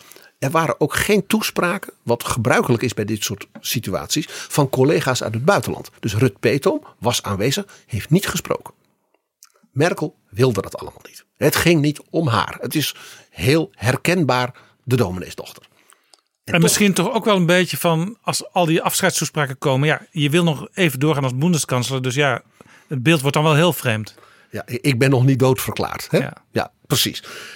En toch was er een cadeau. En dat was een geweldige verrassing, ook voor mevrouw Merkel zelf. Dat kon je ook aan haar zien, zo vertelden de aanwezige CDA's. Zij kreeg een ingelijst ding en daar zat in een dirigeerstokje van een dirigent. Maar niet zomaar een stokje. Dat was het stokje van de chef van de Hamburger, de Staatsoper Hamburg en het Philharmonische Staatsorkest Hamburg. De Japanner Kent Nagano. Een Japanner? Ja. En dat is een bekende dirigent die veel in Duitsland ook heeft gedirigeerd, ook elders in de wereld. En die had met dat stokje, dat had hij dus bewaard. Een heel speciaal concert gedirigeerd. Wat voor Merkel persoonlijk en de geschiedenis van Merkel als kanselier van grote betekenis was. En dat was het concert in de net geopende reusachtige nieuwe concertgebouw van Hamburg, de Elbphilharmonie. En hij dirigeerde de negende van Beethoven, dus het Europese volkslied. Ode aan die Freude. Ode aan die Freude. Alle Tochter- mensen werden Brüder. Dochter als Elysium. En dat was op de avond van de G20, waar Merkel dus voorzitter was van alle wereldleiders. Oh, daar was Rutte toch ook bij? Zeker, en we hebben Rutte ook daar tijdens het concert kunnen zien, waar hij bij de heer Poetin zat. En dat was voor hem het moment om de heer Poetin eens even in zijn, zijn kraag te vatten over MH17. Aha. Jawel. Maar daar zijn dat soort bijeenkomsten ook heel goed voor. hè. Dat is niet zomaar eh, leuk naar theater of naar een, een concertzaal, maar daar worden ook altijd zaken gedaan. Zeker, en daarna was het nog een diner. En, nou ja, goed. De dirigent heeft bij dat mooi ingelijste stokje een tekstje gevoegd. Wat staat er Nagano in de tekst? Nagano schreef, ik lees het voor in het Duits. Mit meiner größten Verehrung für Angela Merkel, die wichtigste Dirigentin der Weltpolitik. Ihr kent Nagano. Dit overhandigde vicevoorzitter Bouffier, die van die leuke grap over al die trainers van HSV, ja. aan een vo- volledig overrompelde Merkel. Liefhebber van klassieke muziek, zoals wij weten, en van opera, hè, dus van het werk van Nagano. En hij herhaalde toen in zijn woorden: die wichtigste dirigentin der Weltpolitik. De belangrijkste dirigent van de wereldpolitiek. En ze was, dus, ze was dus echt, wat je niet vaak ziet bij Merkel, overrompeld en, en geroerd. Geroerd, maar ook blij verrast, want dit was het soort cadeau. Wat haar dus, ja, dat was iets van haar, ook van haar hobby's, van haar liefde voor de muziek. Eh, en iedereen in die zaal begreep de enorme symboliek. En die is tweeledig. Eén, het is natuurlijk voor Duitsland met zijn geschiedenis, met zijn moeilijke geschiedenis van de voorbije eeuwen, natuurlijk eenmalig, ja, dat de wereld, een kunstenaar uit Japan, eigenlijk de hele wereld zegt: de kanslerin van Duitsland is een leider in de wereld die geacht wordt, die zelfs bewonderd wordt. Dat is voor Duitsland in, met die geschiedenis een ongekend ervaring. Duitsland is onder Merkel voor het eerst een achtenswaardig, eerbaar land geworden. Dat staat ook voor mensenrechten. Dat staat ook voor menselijkheid in die vluchtelingenpolitiek. Bij alle kritiek op haar, men zegt het is wel het betere Duitsland dat zij liet zien. Duitsland werd natuurlijk altijd gewantrouwd hè, sinds vanuit Nederland gezien 40, 45. Er werden ook, herinner ik ook nog uit mijn jeugd altijd grapjes gemaakt over Duitsers en zo die eigenlijk helemaal niet, niet leuk waren. Zeker niet voor Duitsers die verder er niks aan konden doen. Maar bijvoorbeeld Konrad Adenauer, de eerste kanselier van Duitsland, de CDU-man, die zei altijd: Het Duitse volk is niet te vertrouwen. Die zei dat duurt nog heel lang voordat dus een democratisch bewustzijn echt in Duitsland ook in alle generaties zeg maar is inge- ingezonken. Helmoet Kool, wat heeft hij niet geprobeerd? Ook met Lubbers, maar ook met mevrouw Thatcher. Ja, om te overtuigen, ik ben een echte Europeaan. Ja, ik herinner me nog de actie van de KRO destijds. Toen er, eh, ehm, hoe zat het ook alweer? Er, waren migrantenhuizen werden in brand gestoken. En vanuit Nederland kwam een actie op gang. eh, Oh, je met boze ansichtkaarten. ik ben woedend. Dan kon je een ansichtkaart sturen aan het Bundeskanzleramt. Alsof Kool zelf die huizen had aangestoken. Terwijl Kool dus als jongen dus in Ludwigshaven, hè, stad waar zijn, hè, van zijn ouders, dus alles kapot gebombardeerd was. Dus Precies, letterlijk maar zo werd had dus- meegemaakt wat, wat dat was. Zo werd dus eigenlijk tot niet zo heel lang geleden Duitsland altijd over één kam geschoren met alles wat fout was in de wereldgeschiedenis. En dus Merkel is daarom zo, daarom is het zo bijzonder dat dus de hele wereld, in dit geval dus via de, net als tolk, deze operadirigent, wat natuurlijk erg dicht bij Merkels liefde voor de muziek zit, dus zegt u was, u was de belangrijkste dirigent van het orkest van de wereld. Ja, zo'n klein stokje is natuurlijk ook mooi, want het is een klein ding, een kleinoot eigenlijk. Ik heb het gezien op Twitter ingelijst in een wat grotere, eh, in een wat groter kader. En daar zie je dus met het handschrift van Nagano daar, daaronder Ja, en met zo'n klein stokje kun je dus heel veel invloed uitoefenen en eigenlijk ook macht. Want dat is de tweede symboliek. Die eerste is dus heel historisch en voor veel Duitsers, zeker voor de CDU, de partij van Adenauer, van Kool, dus ook heel emotioneel. Het tweede is natuurlijk, in Duitsland heeft een dirigent een, een dirigent heeft een taktstok. Want zo heet zo'n stokje. En den takt aangeven is een Duits begrip, symbolisch, voor de maat aangeven. Maat houden ook. Het betekent ook subtiel, maar duidelijk leiding geven. Iedereen kijkt naar het stokje en we beginnen. Het is dus ook iemand die dus in een veelstemmig orkest de harmonie weet te behouden. En ervoor te zorgen dat de hele club in schoonheid naar het einde komt. Een, Dus gro- het is- een grotere waardering kun je dus Merkel zijnde niet krijgen. het, maar ook de stijl van Merkel. De mens Merkel was natuurlijk met dit symbolische, hè, dat maat houden, dat harmonie. Maar duidelijk en subtiel leiding geeft. Natuurlijk heel mooi getroffen, vind ik. En ja, dat, er is nog iets. En dan ga ik nog even nog verder terug in de Duitse geschiedenis aan het eind. Wat dit cadeau ook liet zien, is dat waarachtig politiek leiderschap, dat daar altijd iets kunstzinnigs in zit. Iets artistieks. Iets letterlijk scheppends. Het is Merkels grote voorganger in de 19e eeuw. De eerste Rijkskansler van Duitsland, Otto von Bismarck.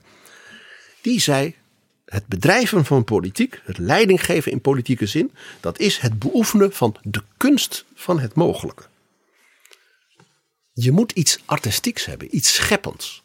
Het is niet alleen maar dossiertjes afdoen. Je moet uit wat er kan iets maken wat niet kon. Grote politieke leiders zijn altijd mensen waarvan je zegt, die weet de juiste toon te vinden in een probleem. Die weet net dat ene woord, waardoor iedereen zich bijvoorbeeld aangesproken voelt en meedoet. Bijvoorbeeld ook is iemand met een typische eigen kleur, een eigen klankkleur.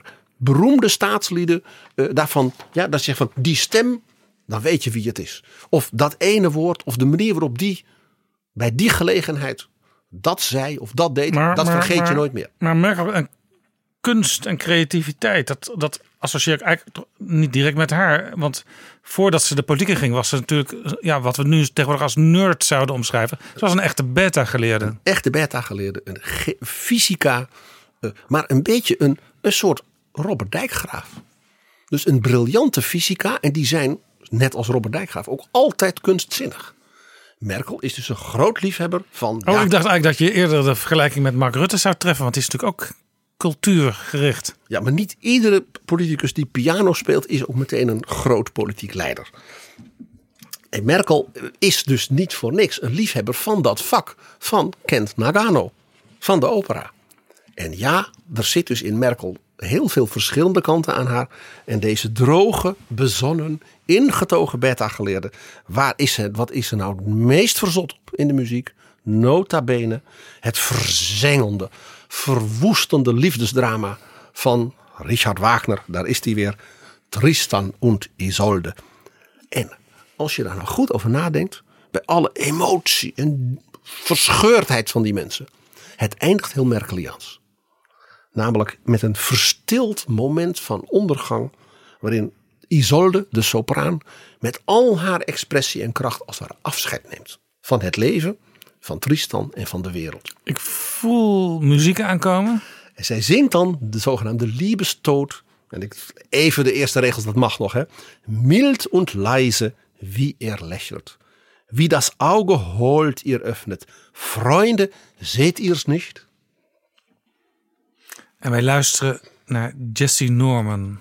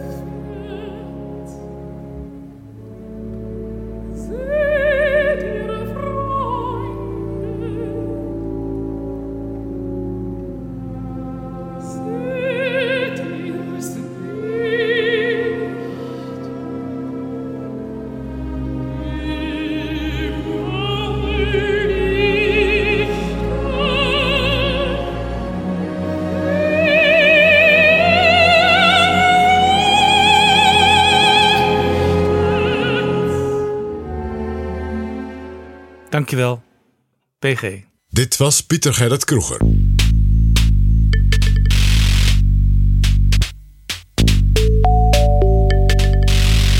Dit is Jaap Jansen met Betrouwbare Bronnen. Ik ga praten met Johan Remkes, nog heel even commissaris van de Koningin in Noord-Holland. Koning. Ik zeg altijd koningin. Ja, dat zei ik vroeger ook. We kennen Remkes onder veel meer ook als VVD Tweede Kamerlid en als vicepremier, minister van Binnenlandse Zaken in het eerste kabinet Balkenende, dat kabinet met de LPF. Ik praat met hem omdat hij ook voorzitter is van de staatscommissie Parlementair Stelsel, die deze week haar rapport uitbracht. Welkom in Betrouwbare Bronnen, Johan Remkes. Even vooraf, u bent commissaris van de Koningin tot 1 januari. Dan wordt u opgevolgd door Arthur van Dijk. Die was voorzitter tot nu toe van Transport en Logistiek Nederland. Dat is een heel ander soort commissaris uh, dan u bent. Ja, maar hij is daarvoor uh, tien jaar wethouder van Haarlemmermeer geweest. Dus hij komt oorspronkelijk uh, wel ook uit het openbaar bestuur. En heeft een ander netwerk. En ja, dat kan heel verfrissend zijn. En ook wel eens goed inderdaad dat het niet iemand uit het politieke systeem is. Ja, dat is goed. Dat zie je tegenwoordig trouwens steeds meer, ook bij burgemeesters. Dat uh, er uh, burgemeesters voorgedragen worden die geen partijpolitieke binding hebben. En dat ook een beetje in tegenstelling tot het beeld wat wel eens gesuggereerd wordt... dat je per se partijlid moet zijn om burgemeester te worden. Hij is overigens wel lid van de VVD, ja, begrijp ik. En wat gaat u zelf doen? Want ik, ik hoor dat u de Eerste Kamer in wil. Uh, dat is onjuist. En een belangrijke overweging daarbij uh, voor mij is geweest het voorzitterschap van de staatscommissie. Omdat je dan belang zou kunnen hebben bij een bepaalde uitkomst. Zo is het. Over die staatscommissie gesproken. Dat rapport heet Lage drempels, hoge dijken. En op de voorkant staat een afbeelding van de Oosterscheldekering. Mooi hè? Kunt u uitleggen wat u daarmee bedoelt? Lage drempels voor politieke participatie en hoge dijken voor onze democratische rechtsstaat. Dat is de kern van ons rapport en dat zijn tegelijkertijd ook de twee rode draden die door ons rapport heen lopen. En de waterstaat, de Nederlandse waterstaatkundige traditie, vonden wij wel een heel mooi beeld om dat uh, op die manier tot uitdrukking te brengen. Die titel betekent ook dat u zich zorgen maakt. Daar gaan we het zo over hebben. Maar eerst nog even. Uh, er zijn sinds 1967 tal van uh, commissies geweest, ook staatscommissies. En, en, daarvoor ook. En daarvoor ook, die allerlei voorstellen hebben gedaan, waar meestal uiteindelijk niet heel veel van terecht kwam. Waarom denkt u dat u nu wel kans van slagen hebt? Kijk, wij hebben uh, op uh, initiatief van uh, met name de Eerste Kamer hebben wij een opdracht van het kabinet gekregen. En ik ga ervan uit dat als zoiets geboren wordt in het parlement en het kabinet stelt een staatscommissie in, dat het kabinet en de beide kamers de voorstellen ook uitermate serieus zullen nemen. Er, en ook niet alle voorstellen zijn nieuw. Uh, een aantal voorstellen zijn natuurlijk in het verleden ook al, ook al gedaan. En dan zouden de politiek verantwoordelijken ook eens na moeten gaan hoe het kan dat een aantal commissies toch ook in dezelfde lijn adviseren. En uh, een tweede overweging is dat het zal wel opgevallen zijn dat er op dit ogenblik nogal wat politieke onrust is. Uh, en ook in die politieke onrust uh, zou de nodige argumentatie te vinden moeten zijn om te zeggen er moet deze keer wel iets mee gebeuren. Maar het is in handen van de politiek. Maar het feit dat dus een aantal voorstellen in uw rapport terugkomen die al eerder gedaan zijn, betekent als ik u nu goed beluister dat er blijkbaar een soort logische consequentie is in de analyse en de oplossing. Ja, wij hebben natuurlijk ook een aantal nieuwe onderwerpen bij de kop, uh, bij de kop genomen. Maar uh, een hele belangrijke invalshoek is... mensen willen anno 2018 gewoon meer te zeggen hebben. En er kan niet worden volstaan door voor de Tweede Kamer... Uh, één keer per jaar, één keer per vier jaar naar de stembus te gaan. Eh, dus langs verschillende wegen. Dat is langs de wat meer informele weg. We noemen dat burgerparticipatie in allerlei verschillende hoedanigheden. Dat is voor ons ook de aanleiding om te zeggen. Uh, als er uh, onwelgevallige wetsvoorstellen uh, worden aangenomen door het parlement, dan moet er een noodremprocedure zijn, ook bewust als noodremprocedure ge, gepresenteerd. Een referendum? Het correctieve bindende referendum. dat is dus ook geheel anders dan het raadplegende referendum zoals we dat hadden, want dat was adviserend. Uh, en daar zaten ook een aantal mechanismen in. Waar in termen van politieke manipulatie vrij gemakkelijk uh, mee, gespeeld, mee gespeeld kon worden. Dus dit instrument is aan de ene kant verplichtender. En aan de andere kant stelt het instrument de kiezer in de gelegenheid om te zeggen van dit bevalt ons totaal niet. en wij trekken aan de rem. Nog even terug naar het begin. U zegt kiezers willen meer invloed hebben. Maar het gek is, als je naar de opkomst bij verkiezingen kijkt, even uitgezonderd de Tweede Kamerverkiezingen, dan zie je dat die vaak terugloopt. Die loopt terug uh, omdat het uh, dan om algemene verkiezingen en dikke verkiezingsprogramma's gaat. Vaak zijn kiezers uh, wel gemotiveerd om over een bepaald deel onderwerp te praten. Dat is veel specifieker, dat leeft dan meestal ook meer in de beleving van, uh, in de beleving van kiezers. En uh, op die deelonderwerpen willen wij dus de kiezer meer invloed geven. Ja, u schrijft in uw rapport dat eigenlijk de structuur van ons democratische stelsel... dat daar al een eeuw eigenlijk structureel niks meer echt aan gewijzigd is. En dat natuurlijk heel veel uh, veranderd is in de samenleving. Uh, Nederland is rijker, schrijft u, beter opgeleid, etnisch cultureel diverser, mondiger dan een eeuw geleden. Als je nu kijkt naar de Nederlandse democratie, wat ziet u dan als voorzitter van die staatscommissie als het, belangrijkste euvel? Een belangrijkste verworvenheid is de evenredige vertegenwoordiging. Laat ik, daar, uh, laat ik daarmee beginnen. En daar is onder de Nederlandse kiezer ook nog steeds heel veel draagvlak. Dus met de politieke instituties gaat het op zichzelf ook wel redelijk goed. Uh, die kunnen ook bogen op een fatsoenlijk uh, vertrouwen onder de bevolking. Maar met de, het vertrouwen in de inwoners van die instituties, daar gaat het minder goed mee. Uh, het vertrouwen in politici is over het algemeen niet hoog. het aantal leden van politieke partijen daalt natuurlijk al uh, zeer, geruime, zeer geruime tijd. Uh, en dat zegt iets over, ook over de motivering van mensen om in algemene termen naar de stembus, uh, naar de stembus te gaan. maar dat is het belangrijkste euvel.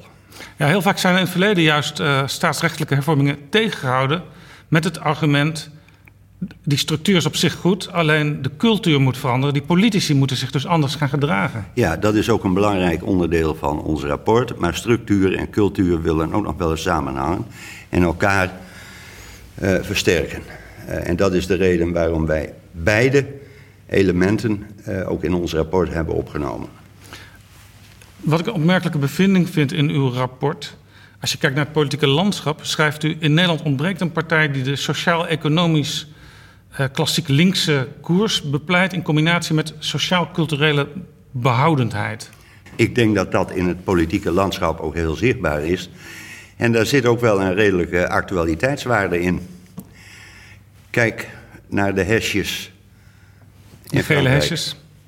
Ik denk dat je dan redelijk, het is geen wiskunde, maar dat je dan wel redelijk duidt waar het over gaat. Maar komen dan partijen als de SP en de PVV niet in de buurt van zo'n stroming? De SP uh, was eerder uh, behoorlijk sociaal-cultureel uh, behoudend. Is de afgelopen jaren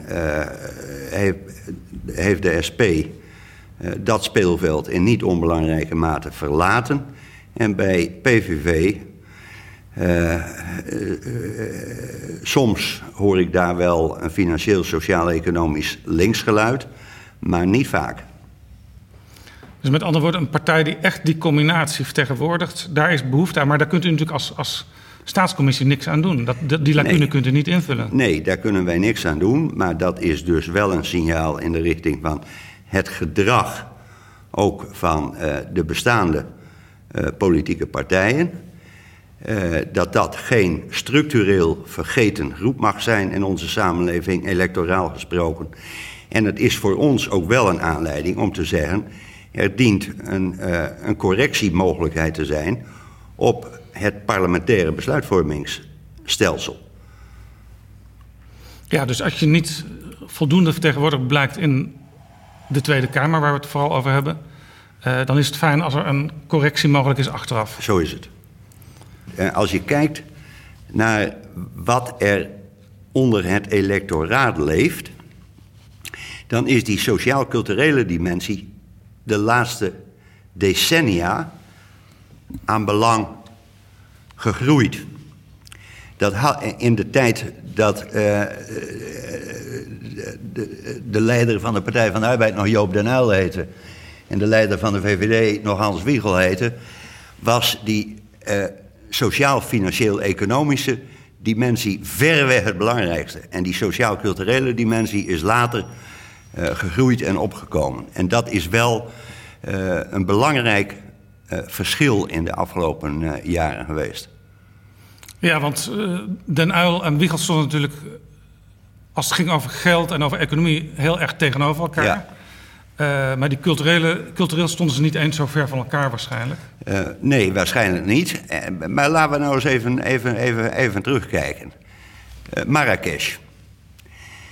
Dat is natuurlijk toch een uiting in dat, in dat, in dat sociaal-culturele domein. En waar ik mij, moet ik heel eerlijk zeggen, zeer over verbaasd heb. Dat was dat de politiek totaal verrast was dat dit zo'n belangrijk thema kon worden. Er is niemand die het heeft aanzien komen. Eentje, dat was Thierry Baudet, die vroeg er ook Ja, dag en- na dag een ja, debat over. ja, maar en- en- het werd in eerste instantie niet toegestaan. En, en die heeft het volgens mij opgepikt uit het buitenland. En daar is overigens niks tegen. Hij, hij ze- zegt, ik las het in een Duitse krant. Ja, nou. U, u gaat een re- referendum bepleiten om dat eh, collectief wetgevingsreferendum in te voeren. Daar, dat was voor Marrakesh geen oplossing geweest. Nee, ik zeg ook niet dat dat voor Marrakesh een oplossing is. Ik ge- geef alleen aan hoezeer die sociaal-culturele component in de politiek eh, gegroeid is. En ik zeg ook niet helemaal voor niks dat bestaande politieke partijen eh, deze ontwikkelingen natuurlijk eh, ook heel nauwkeurig hebben te beschouwen. En wat ik een aantal politieke partijen kwalijk neem, daarom geef ik dat ook aan, dat ze dit soort bewegingen helemaal niet in de gaten hebben. En dat komt waarschijnlijk mede door het feit, wat u ook in uw rapport beschrijft, dat de actieve politici vaak eh, hoog opgeleid zijn, eh, goed inkomen, eh, vaak uit de politieke sfeer al voortkomen. Dus dan raak je op een gegeven moment de band met de man in de straat kwijt. De representatie moet verbeterd worden. Dat is een belangrijke boodschap in ons rapport. Het idee voor, de voor het instellen van uw staatscommissie kwam oorspronkelijk uit de VVD, zoals ik het me herinner. Want tijdens het kabinet Rutte 2 ergerden VVD'ers zich aan de toenemende importantie van de Eerste Kamer. Ze hadden daar geen meerderheid meer, dus er moest steeds gebedeld worden om steun voor, voor wetsvoorstellen. En eh Luc, Luc Hermans die opperde toen op een bepaald moment het idee... zou het niet handig zijn of nuttig zijn om een staatscommissie in te stellen. Daar kwam een motie Anne-Wil Duttler over. Maar je zou kunnen zeggen dat de, komst van uw staatscommissie voortkomt... uit rancune tegen de dwarsliggerij van de Eerste Kamer. Is dat een, een lekkere manier om te beginnen als staatscommissie? Nee, als dat de opdracht was geweest, dan had deze voorzitter het in ieder geval ook niet gedaan. Maar de opdracht is breed. eh, en de motie die uiteindelijk door de Eerste Kamer is aangenomen, is ook breed. Eh, en dat is door het kabinet op een goede manier vertaald. En ons rapport gaat dus ook over veel meer dan eh, de verhouding tussen de beide kamers. Ja, de Eerste Kamer wordt niet afgeschaft in uw rapport. Is dat ook vanwege het idee dat je eigenlijk de Eerste Kamer niet kunt afschaffen... omdat ze daar zelf over beslissen? Nee, nou ja, dat speelt eh, op de achtergrond bij sommigen onherroepelijk als overweging wel mee. Want je moet ook eh, wel voorstellen presenteren waarbij je een beetje weet of iets haalbaar is of niet. Maar de belangrijkste overweging voor ons om uh, de Eerste Kamer niet af te willen schaffen, dat heeft iets te maken met uh, een ander onderdeel, een andere rode draad in het rapport, de weerbare democratie. Daar zullen een aantal dijken versterkt moeten worden. Uh, maar de bestaande dijken die moeten ook gekoesterd worden. En de Eerste Kamer is één van die bestaande dijken. En de zware procedure die wij kennen om de grondwet aan te passen, is een tweede bestaande dijk. En ons bestaande evenredig stelsel is een derde dijk, want dat stelsel maakt het voor politieke partijen vrij gemakkelijk om toe te treden. Ja, u zegt dus eigenlijk het is goed dat er een tweekamerstelsel is, want dan wordt er ook nog uh, door de Eerste Kamer rekening gehouden met andere dingen dan waar de, eerste, waar de Tweede Kamer in de heat of the day wel eens iets vergeet, omdat ze nu eenmaal bepaalde wetten snel uh, willen aannemen. Zo is het. Zo is het. Toch wilt u wel iets veranderen hè, aan hoe de Eerste Kamer omgaat uh, met zijn mandaat? Ja, wij, wij zeggen, de, het is nu wel. De Eerste Kamer heeft nu eigenlijk maar twee mogelijkheden: of een wetsvoorstel aannemen of een wetsvoorstel verwerpen. Dat laatste, want de Eerste Kamer heeft geen recht van amendement. Dat laatste is een tamelijk bot instrument. Dus zeggen wij, geef de Eerste Kamer nou een aanvullend instrument door als een wetsvoorstel op, in termen van uitvoerbaarheid, in termen van grondwettelijkheid, uh, niet helemaal bevalt, dat de Eerste Kamer het wetsvoorstel geamendeerd naar de Tweede Kamer terug kan sturen. En dan heeft de Tweede Kamer dan het eindoordeel. Ja, dus je kunt kiezen of aannemen of verwerpen of die derde mogelijkheid ja. terugzend recht. Ja. Maar dan geef je ook je la het laatste oordeel uit handen aan de Tweede Kamer. Ja, als je dat doet, geef je het laatste oordeel aan de Tweede Kamer. Dit is wel een grondwetswijziging, denk ik. Uh, dit is een grondwetswijziging, ja. ja. Ik begreep toen u aan uw werk begon, zo min mogelijk grondwetswijzigingen ja, als het niet hoeft. Maar helemaal ontkom je er niet aan. Uh, en uh, ons, ons rapport kent in feite een vierslag. sommige voorstellen, daar heb je grondwetswijziging voor nodig andere voorstellen, daar heb je een eenvoudige wetswijziging voor nodig. Dan heb je de lagere regelgeving, bijvoorbeeld het reglement van, uh, van orde van de Tweede en van de Eerste Kamer. En de vierde categorie is het gedrag, de cultuur. U zegt ook, um, de Eerste Kamer moet zich vooral bezighouden met rechtsstatelijkheid van uh, wetten, uitvoerbaarheid, handhaafbaarheid. Uh, dus minder politiek dan de Tweede Kamer. Ja. En u zegt ook, het zou goed zijn als de Eerste Kamer zoveel mogelijk voorkomt dat zij al vooraf betrokken raakt bij wetgevingsprocessen. Maar als je als kabinet in de Eerste Kamer geen meerderheid hebt en in de Tweede Kamer, in het geval van het huidige kabinet net wel, ja, dan moet je dus steeds met een schuin oog ook naar de Eerste Kamer kijken als je wetten bedenkt. Je zou bij het opstellen van wetgeving en tijdens de behandeling van wetgeving in de Tweede Kamer. Ja, moet je de politieke verhoudingen in de Eerste Kamer in je achterhoofd hebben. Maar dat is iets anders dan dat je de Eerste Kamer al in een heel vroegtijdig stadium consulteert. Want dat draagt in feite monistische elementen in zich. En uh, de dosis monisme in onze staatsrechtelijke verhoudingen is al groot genoeg. Ja, want bijvoorbeeld de voorzitter van de Eerste Kamerfractie zit ook bij het bewindsliedenoverleg op donderdag van een, een aan het kabinet deelnemende partij. Ja. Dat is eigenlijk ook niet goed.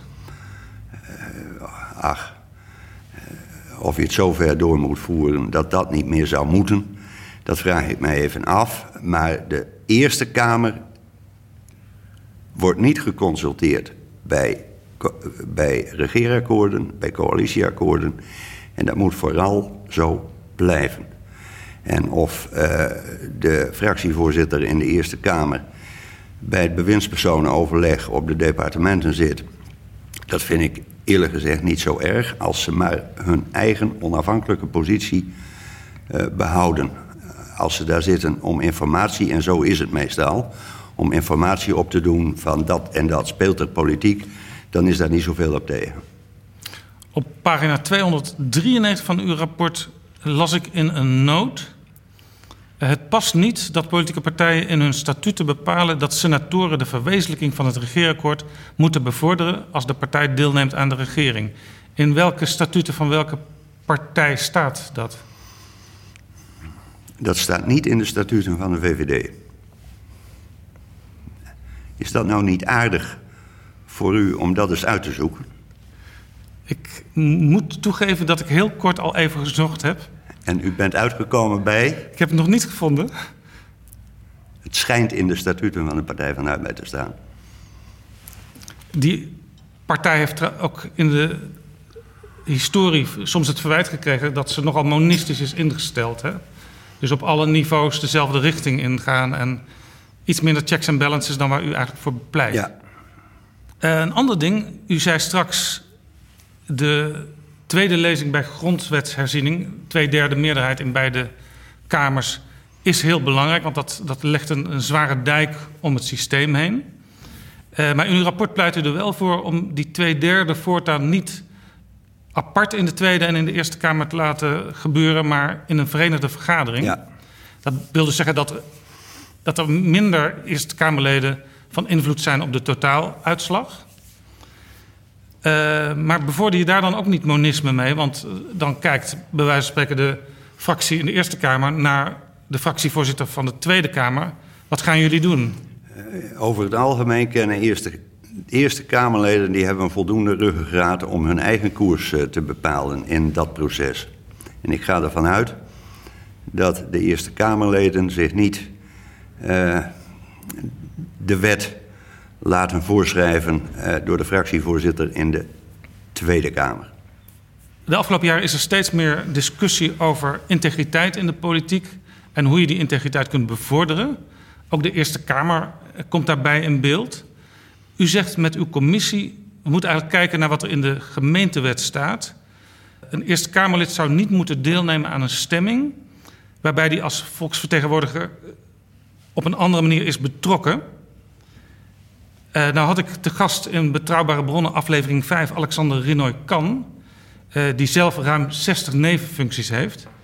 En die zei, ja, ik begrijp wel dat dat in de gemeentewet staat, want op lokaal niveau zijn er al gauw uh, dubbele belangen. Maar landelijk heb je voldoende afstand en zijn er voldoende checks en balances om dat niet te gauw te laten plaatsvinden. Dus hij zegt, eigenlijk is dat helemaal niet nodig, zo'n regel. Ik ben het daar dus niet mee eens. Ik heb de discussie van de afgelopen maanden gevolgd. En dan hoor je discussies, ja, maar dit is een, een, een, een nevenfunctie. En dat is terecht dat men dat zegt. En dat moet het denk ik ook vooral, ook vooral blijven. Maar dat, geld, dat is exact hetzelfde geldt voor statenleden en voor gemeenteraadsleden. Ook een nevenfunctie. En je kunt, ik, ik, ik kom het hier in de Staten natuurlijk ook vrij regelmatig tegen... dat mensen, statenleden bij mij komen en zeggen van... ja, ik ben ook nog gemeenteraadslid of ik heb die en die achtergrond... en ik word nou met dat en dat onderwerp geconfronteerd, dus ik verschoon mij... En dan meld ik dat keurig in de openbare vergadering. Dat is transparant. En de Eerste Kamer zou er verstandig aan doen om diezelfde uh, gedragslijn te volgen. De, de, transparantie en de inzichtelijkheid is het halve werk, want het wordt nu vaak in de sfeer van rellerigheid getrokken. En dat moet je willen voorkomen.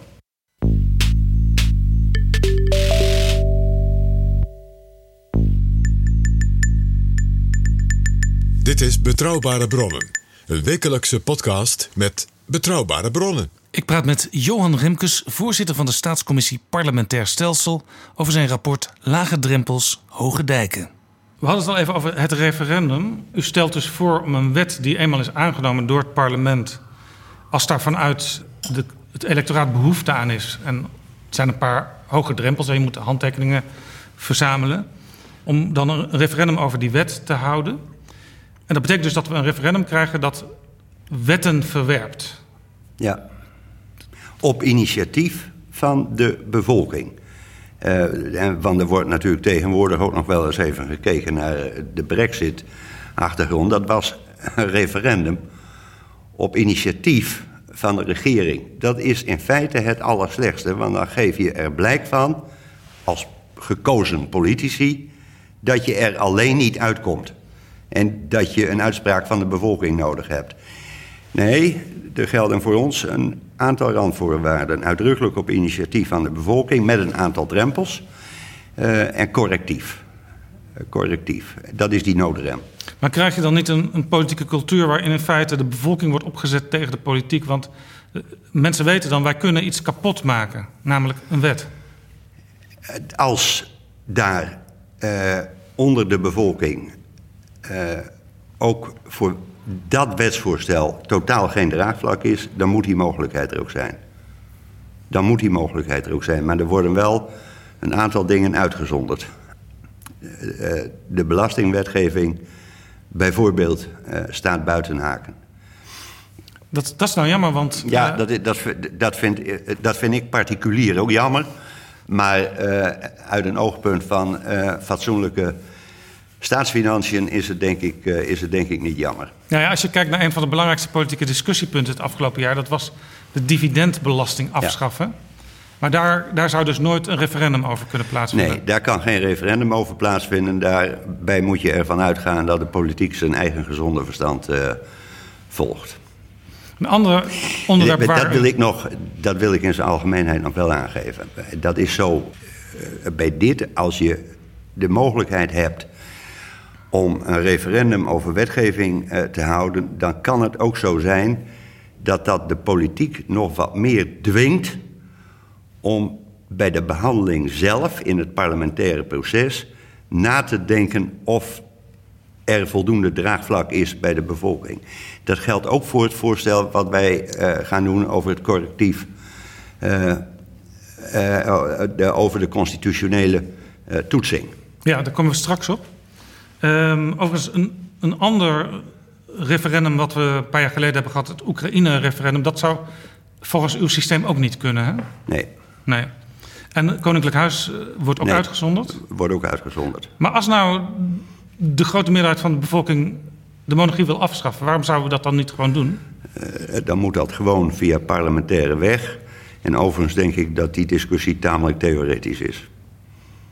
Want als het zover komt, dat een grote meerderheid onder de bevolking dat zou willen afschaffen, dan uh, heeft de monarchie niet goed gefunctioneerd. En uh, ik denk dat ook dat volstrekte theorie is, want de monarchie functioneert, wat mij betreft, uitstekend op dit moment. Maar ja, het komt natuurlijk voort uit uh, een soort van anomalie. Hè? Iemand die toevallig de zoon of de dochter is van vader of moeder, die wordt koning. Ja, en daar hebben we ooit voor gekozen. En uh, het is wat mij betreft, zeker in deze tijd van wat je zou kunnen noemen maatschappelijke splijting, is de behoefte aan een verbindende factor in onze samenleving, denk ik, groot. En dat is precies de rol die het Koningshuis speelt. U noemde net uh, een constitutioneel hof. Daar is al wel eens voor gepleit, onder andere door Femke Halsema toen zij Kamerlid was. Kunt u nog eens vertellen waarom dat zo van belang is dat u dat wil instellen? Uh, constitutionele toetsing uh, is uh, van belang vanwege de versterking van, van individuele burgers en de grondwettelijkheid van regelgeving. en Femke Halsema stelde destijds voor de toetsing door rechters. Daar kiezen wij dus niet voor. In die zin dat elke rechtbank ja, die toets kon doen? Ja, wij kiezen ervoor om dan een constitutioneel hof in te stellen... vanwege de eenvormigheid van de uitspraken. Uh, en ook uh, daar geldt dat niet onverkort... want het geldt uitsluitend voor de klassieke grondrechten. Dus niet de sociale grondrechten die in de, in de, in de, uh, in de grondwet staan. Zoals recht op werk, recht op wonen? Ja, precies. Want noem, noemt u een paar klassieke grondrechten voor het beeld? Vrijheid van meningsuiting bijvoorbeeld. Dus als ik denk als burger mijn vrijheid van meningsuiting uh, wordt ingesnoerd door een nieuwe wet, dan kan ik zeggen constitutionele hof toetst die wet. En, en, en dan moet dat via de rechter. En de rechter moet dan uitspreken dat iets wordt voorgelegd aan het, uh, aan het hof. Een taak die u ook aan dat hof uh, wilt delegeren is uh, de vraag of er al dan niet een partijverbod moet worden uitgesproken. Ja. nou is er in het verleden natuurlijk al wel eens een partij verboden, dat was CP86. Dus blijkbaar was er al een wet waarop, op basis waarvan dat kon. Ja, dat is nu geregeld in artikel 22 van het burgerlijk wetboek. Uh, en wij zeggen dat is eigenlijk een te beperkte, een te beperkte invalshoek. Uh, en wij pleiten dus in, in die lijn ook voor een aparte wet op de partij, uh, op de partijvorming. En dit zou dan geregeld moeten worden in zo'n wet. en dat is natuurlijk geen lichte procedure.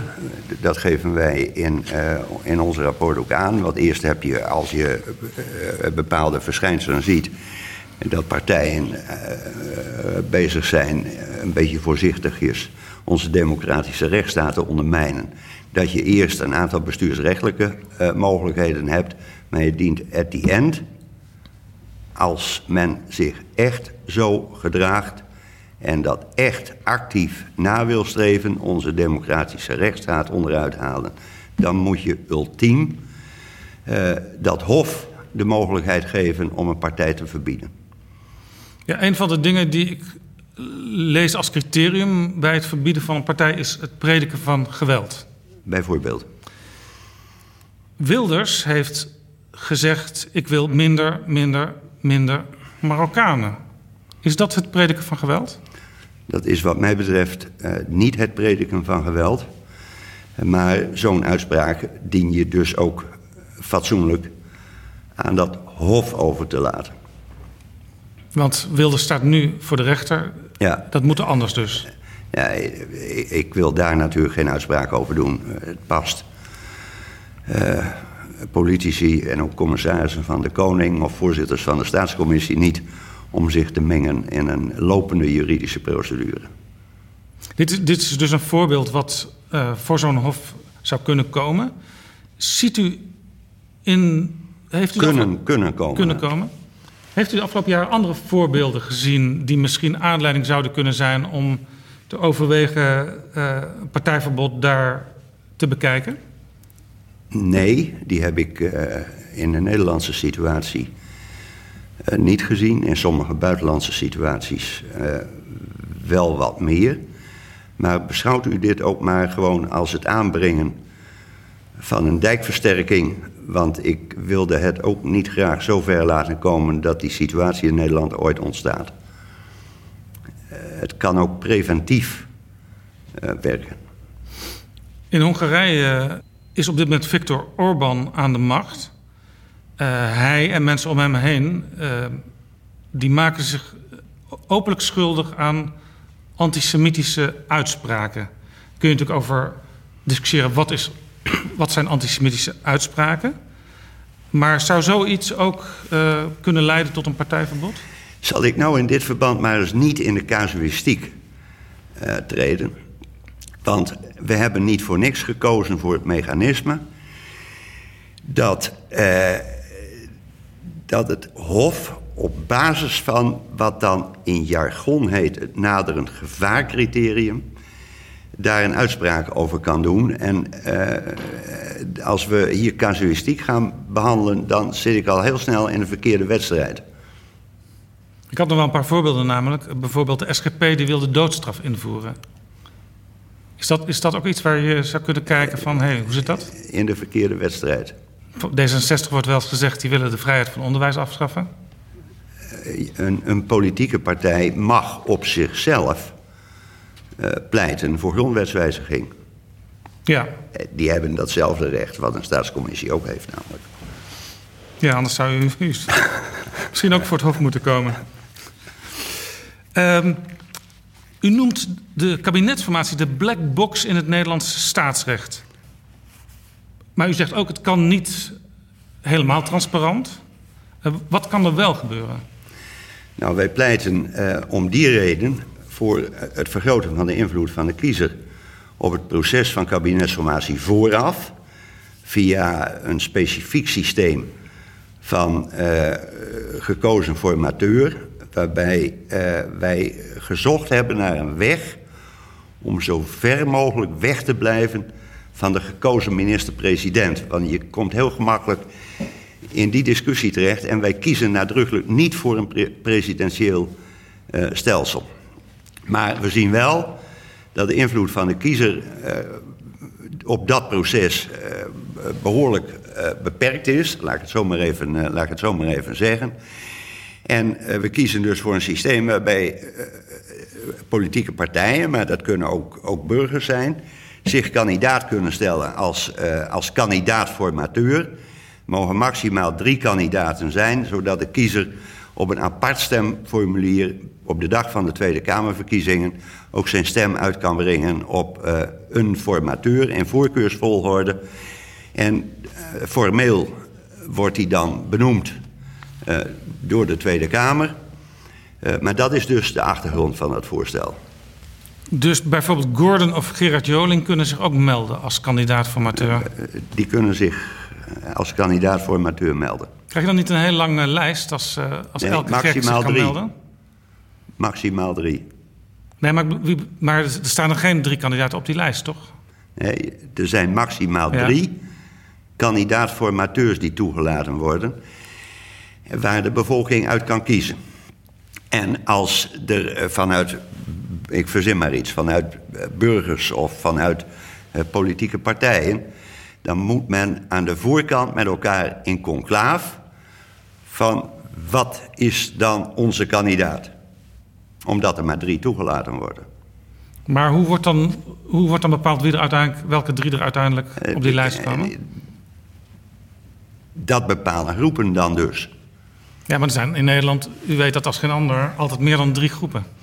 Ja, maar daarom zeg ik, het, het proces dwingt er dus ook toe dat, dat groepen van tevoren aan de voorkant met elkaar overleg gaan plegen. Om het aantal kandidaten te beperken. Maar bij wijze van spreken, John de Mol die zou Gordon naar voren kunnen schuiven. En die heeft een achterban van miljoenen mensen. Ja, maar of die hele achterban van John de Mol op Gordon gaat stemmen als formateur, dat vraag ik mij ten zeerste af.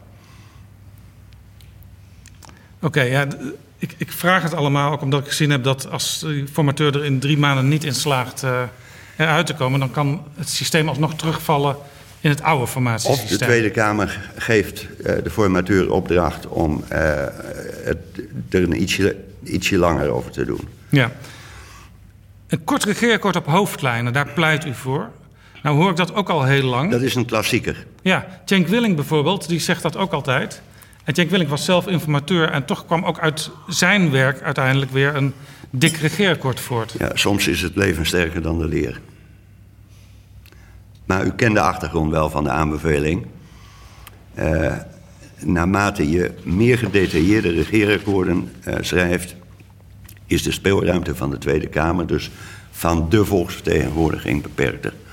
En dat wilden we eigenlijk, dat is zo'n gedragspunt, dat wilden we eigenlijk, we konden het niet laten om dat opnieuw op te schrijven. Omdat onze commissie daar ook een heilig voorstander van is. Maar afdwingbaar is het niet? Het is niet afdwingbaar, maar dat is met cultuur, met, dat is natuurlijk met alle cultuuraanbevelingen die erin staan het geval. Wat ik heel interessant vind in uw rapport is dat u eigenlijk zegt minderheidskabinetten daar zouden we niet al te moeilijk over moeten doen. Dat is misschien zelfs wel goed voor de democratie als er meer minderheidskabinetten zijn. Ja, dat, dat functioneert in sommige Scandinavische landen. Functioneert dat heel fatsoenlijk. En dit is natuurlijk. Ook, ook dit is een gedragselement. In, in, in, in een politiek landschap. wat steeds meer versplintert uh, is dit een voor de hand liggende aanbeveling eigenlijk. En voor de burgers, voor de kiezers, voor de kijkers is het interessant omdat je dan toch beter ziet hoe bepaalde meerderheden tot stand komen. Hoe bepaalde meerderheden uh, tot stand komen, het is op zichzelf, vind ik ook helemaal niet ongezond om gedurende een regeerperiode een zoektocht te hebben naar parlementaire meerderheden. Uh, dat geeft uh, ook uh, wat dan in traditionele termen heet de oppositie. kan dat, kun je uitnodigen om het zomaar, om het zomaar uit te drukken, ook constructief mee te denken. En kan tegenstellingen ook minder scherp op de kaart zetten. U hekelt in uw rapport dat Kamerleden tegenwoordig continu in de campagnemodus staan. Maar u heeft een plan voor de verkiezing van de Tweede Kamer, uh, namelijk een zwaarder gewicht voor de stem op, het op de individuele kandidaat. En dat bevordert denk ik alleen maar dat die campagnemodus nog, nog harder aan gaat staan gedurende vier jaar. Uh, die passage is ook niet bedoeld zozeer om te hekelen. Uh, op zichzelf, uh, het is een ontwikkeling die je de afgelopen jaren hebt, uh, hebt gezien. en een, ontwik een, ontwikkeling die niet per definitie slecht hoeft te zijn. Zo is die passage niet bedoeld. Oh, zo las ik hem. Maar misschien nee. is dat meer dan ja. hoe mijn brein werkt. want u zegt, u, u, over het parlement gesproken, de evenredige vertegenwoordiging is een groot goed. Dus one man, one vote. En je zit al heel snel met tenminste één zetel in de Tweede Kamer. Uh, het gekke is wel dat mensen zich toch vaak ook weer ergeren aan het grote aantal partijen. Ja, dat klopt. Uh, daar hebben wij ook uh, met burgers wel over gepraat, in focusgroepen zoals dat heet. er komen twee ergernissen tevoorschijn. In de eerste plaats het grote aantal fracties, de versnippering. En in de tweede plaats de, het verschijnsel van de afsplitsingen. Uh, als je daar, want als je de, de, ontwikkelingen na de oorlog op de rij zet, dan is het aantal fracties helemaal niet zoveel groter als uh, in de naoorlogse jaren. Dus dat beeld uh, is ook enigszins vertekend. Nee, ik weet, je, in de, zelfs in de jaren 70 waren er op een gegeven moment 16 fracties. Ja, nou, u geeft, het, u geeft het al aan, maar als je dan ook nog met, met mensen doorpraat want dan gaat het vaak over kiesdrempels en dergelijke. Als je dan met mensen doorpraat van als het nou zou betekenen... als de politieke partij waar jij op wilt stemmen niet meer in de Kamer kan komen... ja, maar dat is niet de bedoeling. Of als je mensen, met mensen doorpraat over de vraag afsplitsingen... als dat dan betekent dat de fractiediscipline nog groter wordt dan die nu al is... ja, dat is ook niet de bedoeling. En dat is natuurlijk een effect wat daar onherroepelijk aan vastzit. Kunt u kort uitleggen hoe uw kiesstelsel eruit ziet? De mensen krijgen uh, de mogelijkheid, het moet dus een ander, een ander stembiljet worden, om ofwel op de lijst van een partij te stemmen, ofwel op een individuele kandidaat uh, te stemmen. Dus, want we hebben daar ook wel wat aan gerekend. Er staat in het rapport ook een mooi overzicht wat het zou kunnen betekenen. Dat de kans dat je uh, wat uh, uh, Tweede Kamerleden krijgt die bij voorkeur worden gekozen, en dat kunnen dus ook regionale Tweede Kamerleden zijn, die kans wordt groter, om het maar even heel simpel te houden. En die regionale vraag die hebben wij met name ook van het kabinet meegekregen. Maar u gaat geen kieskringen doen in de zin van uh, uh, de, de, de kieskring Maastricht zendt dat Kamerlid naar Den Haag. Nee, uh, omdat je in een, nou ja, zoals gezegd, we hebben gekozen voor de evenredige vertegenwoordiging. schaduwzijde van die evenredige vertegenwoordiging is overigens wel dat je een wat meer gecompliceerde kabinetsformatie hebt. maar we hebben ook gekeken naar het Duitse systeem. Maar dan loop je al heel snel aan tegen het verschijnsel wat in Duits jargon heet de Überhangmandaten. En dat betekent dat de Tweede Kamer uh, meer dan 150 leden uh, zou moeten kunnen krijgen. Ja, maar hoe, hoe versterkt u dan de regionale component? Omdat als het element van de voorkeurstemmen zwaarder doortikt, ook de regionale voorkeurstemmen zwaarder door kunnen tikken. U komt zelf oorspronkelijk uit Groningen. Uh, juist in de regio, daar, daar, trekken mensen weg. Die trekken naar de Randstad. Maar die hebben dan uiteindelijk minder stem. En dus kunnen ze toch uiteindelijk minder snel een voorkeurskandidaat Nee, naar Den Haag brengen. Nee, iedereen kan gewoon stemmen op wie hij wil. Alleen het systeem is zodanig ingericht dat het element van de voorkeurstemmen zwaarder telt. Ja. Nog één dingetje wat ik ook interessant vond in het rapport. Uh, er zijn nu steeds uh, 30 leden uh, debatten worden er aangevraagd. Hè. Dus als je met een meerderheid geen debat kan krijgen, met 30 leden kun je ook een debat aanvragen. Maar er komen enorme lijsten van. Deze week staan daar 66 debatten te wachten. U zegt dat gaan we naar 50 leden brengen. Ja. Dus dat betekent dat bijvoorbeeld in het verleden konden PVV en SP samen altijd debatten aanvragen. Dat kan dan niet. Nee, kijk, je wilt de achterliggende bedoeling van, van die 30 leden debatten is dat je parlementaire minderheden in de gelegenheid wilt stellen om hun stem luid en duidelijk te laten horen. Maar het verschijnsel neemt wat absurde uh, trekken aan. Uh, en dan heeft het, want het heet nou 30 leden debat en het heette vroeger volgens mij spoeddebatten of zo. Uh, dan heeft het natuurlijk ook weinig meer met spoed te maken. Tot slot, ergens in uw rapport schrijft u: we hebben gekeken of het kiesrecht naar 16 jaar kan worden gebracht. Ja. Want het electoraat vergrijst sterk. En dan krijg je dus meer balans in de uiteindelijke stemming. Maar u heeft toch niet besloten om dat te doen. Waarom niet? Omdat wij uh, uiteindelijk gezegd hebben van we handhaven gewoon de meerderjarigheidsgrens. Dat lijkt ons een uh, logische grens. En we hebben ook nog gekeken naar, uh, naar buitenlanden of daar wellicht een positief effect van uit zou kunnen gaan op het stemgedrag, de stembereidheid uh, in de toekomst. En dat verband kan wetenschappelijk niet worden aangegeven. En dat de vergrijzing dan steeds zwaarder gaat wegen op besluiten, dat neemt u dan maar voor lief? Dat nemen wij, dat nemen wij voor lief, omdat die twee jaar ook niet echt van invloed is. Meneer Remkes, mag ik u veel succes wensen met de uitkomst van uw rapport uiteindelijk ook in wetgeving. Wij zullen ten strijde trekken. Dank u wel.